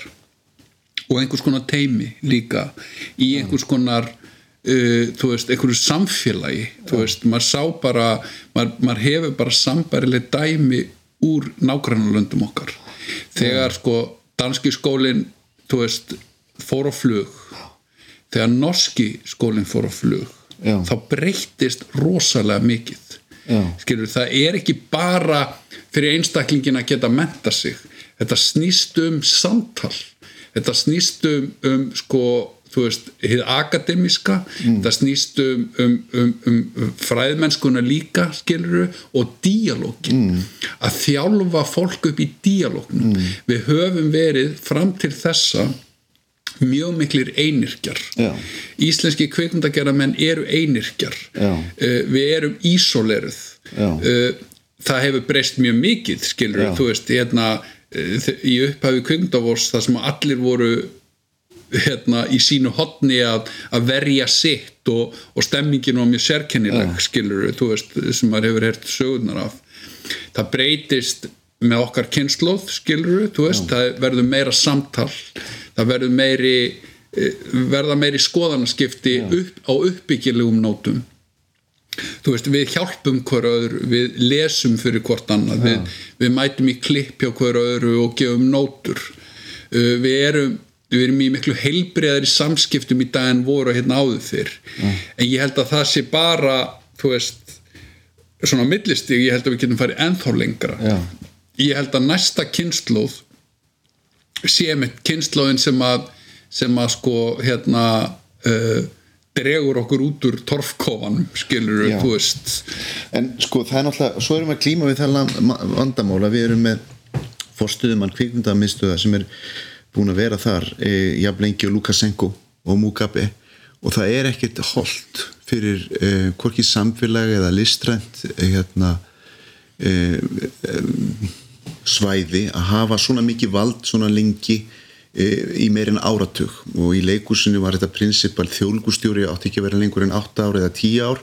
Og prinsipið er það að, að fagufræðileg forgámsröðun einhvers eins á ekki að hafa svona mikil áhrif á heila kynsluð fólks mm meir en áratug. Þannig að það er orðið rosalega ríkuleg þörf á á, á hérna endurníuna í kvikmyndamiðstöð og meiri fagleg vinnubröð þar. Það er eitthvað að e, menningunni þar í afgreðslu mála og hraðanum og tímanum og senkun og frestun á ákvörðunum sem, sem er ótrúlegu fjöturum fót. Og, og við þurfum aðeins að fara að ræða þetta. Ég minna þegar kvítrúsar þóra að fara út á göturnar þá hljóta íslenski kvirnækjaðamenn að þóra að tjá sig um þessi mál Já, ég meina endurníun hvort sem að það sé stjórnsýslulega endurníun eða, eða listræn skilur þú veist, endurníun er mikilvæg Já. og nýtt blóð er mikilvægt á öllum postum skilur hvort sem að það sé þú veist, í hjálminum sem öllu stjórnar skilur þú veist, eða bara út á golfi og ég hef ekkert að móti, mér finnst sko struktúrin svo sem allt í lægi, þú veist að þú ert með svona einráðan fórstuðumann raunni í, í forminu sem getur sagt bara, mér líkar þetta ekki, líkar ekki ég hef reynda ráðgjafa en, en, en í forminu og í lagalega þá, þá ræður þessi viðkomandi aðlið þessu, það þarf ekki að fylgja ráðgjöf ráðgjafans og, og það er allt í lægi bara að, að því gefnu að, að, að, að kjörtímabili sé sko ekki tveir áratýr Nei, nei, einmitt. Ég held að flesti séu sammála um það Já. skilur, að, hérna, að það verða að vera örari endurníun Já. í, í, í, í kerfinu sko, þú veist og þú veist, auðvitað þú veist, eru, eru hérna uh, maður hugsa líka oft sko með, með hérna alla búrokratík eða alla, allt kerfi mm. að, að hérna þú veist, kerfið á að vera þjónandi mm. semst kerfið er uh, uh, uh, sko uh, sko kvikmyndasjóður er, er, er sko einhvers konar ákall uh, út úr samfélagi að byggja um eitthvað. Það eru kvikmyndagerðamenn í samfélaginu sem að sko vilja gera kvikmyndir en það er ekki, það er ekki til kvikmyndasjóður á Íslandi. Og, og, er- og það er verið að hérna, harrasera pólitíkur sem að reyna að gera eitthvað í því og svo kemur velviljaður hérna, mentamálur á þeirra sem, að- sem að startar kvikmyndasjóði 78 eða hvað það er. Framsóknarmaður, notabenni já, já, og nú erum við með mjög velviljiðan mentamálar á þeirra, framsóknar já, já þannig að sko ég er um að stundum að gangi frá svona flokkin já, maður hugsa stundum með sko, þú veist, þegar kerfið þegar sko við höfundarnir mm. eða kvikmyndagerðamennir förum að þjóna kerfinu mm. en ker, þú veist kerfið hættar að þjóna að reyna að finna leiðina inn í kerfið Já. skilur að reyna að smíða kannski verkefni sem að sem henda kerfinu Já, já, í staðin fyrir að, að hérna, kerfið sé að þjóna já, því sem það á að vera þjóna sem er, er, er sköpunin sko. þetta er klíman sérstaklega en frálsa markaði því að þetta er klíman mín núna eftir mín verk að menn vilja fá meira af því sama. Skilur en það er einmitt sko kvikmyndasjóður sem ætti að standa þá með mér um það skilur að, að og, og þeir eiga ekki að hegða sér eins og markaðurinn sko, þú veist og hérna, því það eru nóg af kröftum til þess að, að pína, pína manni inn í, inn í eitthvað format, sko, eitthvað skema. Og það er eðli þess að bransa það eru allir hrættur, framleiðendur eru hrættir oftast því þeir eru að taka fjárháslegar áhættur sumir hverjir, en þetta er ekki ekki að segja það svona um hérna hérna sjóðakerfið hér á vesturlöndum þá er náttúrulega áhætt að framleiðanda auðvitað minni heldur en í enga bransanum ég, ég, en þeir eru þó auðvitað að taka alls konar áhættur með tíma og orku sína. Já en, en sko þú veist, við gerum það öll benni og, Já, hérna, og það er vanmetið áhættan sem að, höfundurinn tekur skilur, Já. þú veist, þú, þú hérna þú, þú sko, höfundurinn tekur jafn mikla fjárhagslega áhættu Já. persónulega fjárhagslega Nákvæmlega. áhættu og framleiðandinn og það er ofmetin, finnst mér ákveðin verkþættir eru ofmetnir skilur, verðgildi þess að skilin umsókn og svo vinna sem fólki í því þú veist, hún er á eitthvað staðar sko, of, ofmetin af þeim sem sko hafa þess að það er eðlilegt að framleiðandinn metur, metur hátt sitt framlag, skilur eins og vorum að tala um áður, en svo horfir hann á hluti einhvers annars og, og, metur hann lægra mm en hérna þannig að er þetta er vandrataður vegur réttlætið í öllu þessu samingi ég meina sem kveikmynda höfundur að þá, þá sko vinnur kannski í mörg ár segjum það, þú veist, eitt ár, tvö ár þrjú ár Já. í að, að formulera hugmynd, skrifa eitthvað handrit eða eitthvað skilur oft á tíðum fær sko viðkomandi sér hann ekki krónu nei, nei, fyrir sína vinnu fyrir hann kannski á fyrsta tökudegi. Já, já.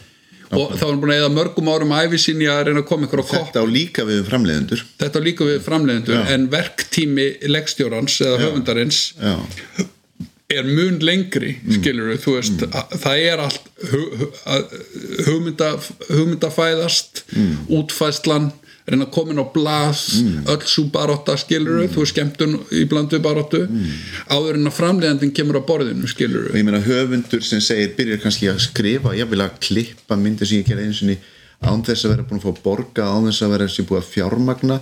Og þá er ég í rauninni að taka áhættu og er í rauninni ætti þá að vera eins og meðframleiðandi eða eignaraðili að myndinni mm veist, þetta gefa mér kött að ég tók raunverulega áhættu. En, en hérna en um, þetta er eins og allt annað það þarf að berjast. Í, í Danmörku þá er það bara samningsbundið á bíómyndum. Já. það er bara samningsbundið já, á öllum dönskum kvikmyndum að hlutur höfundarins eða leikstjórans já, uh, að leikstjórin á eignar hlut í verkinu sínu já, samningsbundið Já. Ekki það að hann hafi hérna, tekið 10 miljónur upp úr vasunum sínum og lagt inn í framlösluna Já. heldur er, er hans listræna framlag Já. metið sem hlutdeild Já. eignar hlutdeild Já. upp að einhverjum prósentum og, og á listanum fyrir, fyrir þá sem að eiga eiga verkefnið og, og, og þær tekjur sem hugsanlega koma af því Já. þá er það bara bundið í samning skilur, þú veist, það, þetta er ekki royalties, Nei, nei. þetta er bara eignar hlutur, skilur, bara eins og, Eins og framlag. framlag þetta er það sem ég veit að þú er barast fyrir og ég hef geri nú með mínu verkum, ég er framleiðandi að mínu verkum, mm. meðalans til þess að tryggja mig þarna. Já, en þetta í þessu, þessu tilviki í Danmörku þessu Þarf ekki ekki að nei. Þú ert bara já, það, það er bara metið. Já, já. þannig að sko uh, veist, þetta er þetta er hérna uh, sko það er ekki auðvöld að vera framleiðandi. Nei, það er ekki auðvöld að vera leikstjóri þannig að þú veist fólk verður að vera samstiga skilur og skilja virði eða meta virði hvors annars Já. skilur og, og hérna og, vera sátt við já, framlag hvors annars. Já. Og hérna ég held að, hérna skólin, listaháskólin mm. kvikmyndadeildin þar já, þar verða mentaðir framleiðendur. Já, það er ein deildin eða Já. ein, undir kategória í deildunum Já. er framleiðsla. Einmitt. Og hérna það held ég að sé þú veist að menta íslenska framleiðendur held ég að sé mjög mikilvægt. Já, ég er sammála því. En ég er ágjör á dýnamikinn í þessu vittarinn Þú veist, er þetta orðið og langt og leðilegt Það er ekki, að- er ekki að klippa þetta til? Þétt eitthvað og slepp ykkur sko uh, mér finnst þetta þetta ekki hafa verið eitthvað svona þú veist langdreið eða þannig. Nei, þú veist, mér finnst þú bara ágætur sko. Mér finnst þú hérna mér finnst þú ekki að hafa bullað mikið eða eitthvað svona. Þú veist, það er það var það sem maður óttaðist. Þú myndir bull eitthvað og fara að segja eitthvað, eitthvað þvælu sko, en þú mér finnst þú alveg að heila stoppið við það. Já. En mér finnst þetta bara vera orðið nokkuð gott hjá okkur. Ég, hérna, ef að fólk vilja veit eitthvað meira þá bara ringir það. Já, og hérna og ungir kvikmyndalegstjórar ef ungir kvikmyndalegstjórar er, er, að- að hlusta á þetta Já. og hafa einhverja spurningar. Já þetta var eiginlega hugsað að verða einhverjum að gagni með þessu já, tali. eins og, eins og ég, ég veit þú hefur orðið mér að gagni og, og, og þú sagði mér líka að ég hefði orðið þér að gagni í þessum í okkar, okkar ferli, það er gegnum samskipti og, og samtöl. Ef fólk ringi þá bara Já, það vil meira. Meira. Já. Eru takk fyrir spjallibenni Takk fyrir þetta Ragnar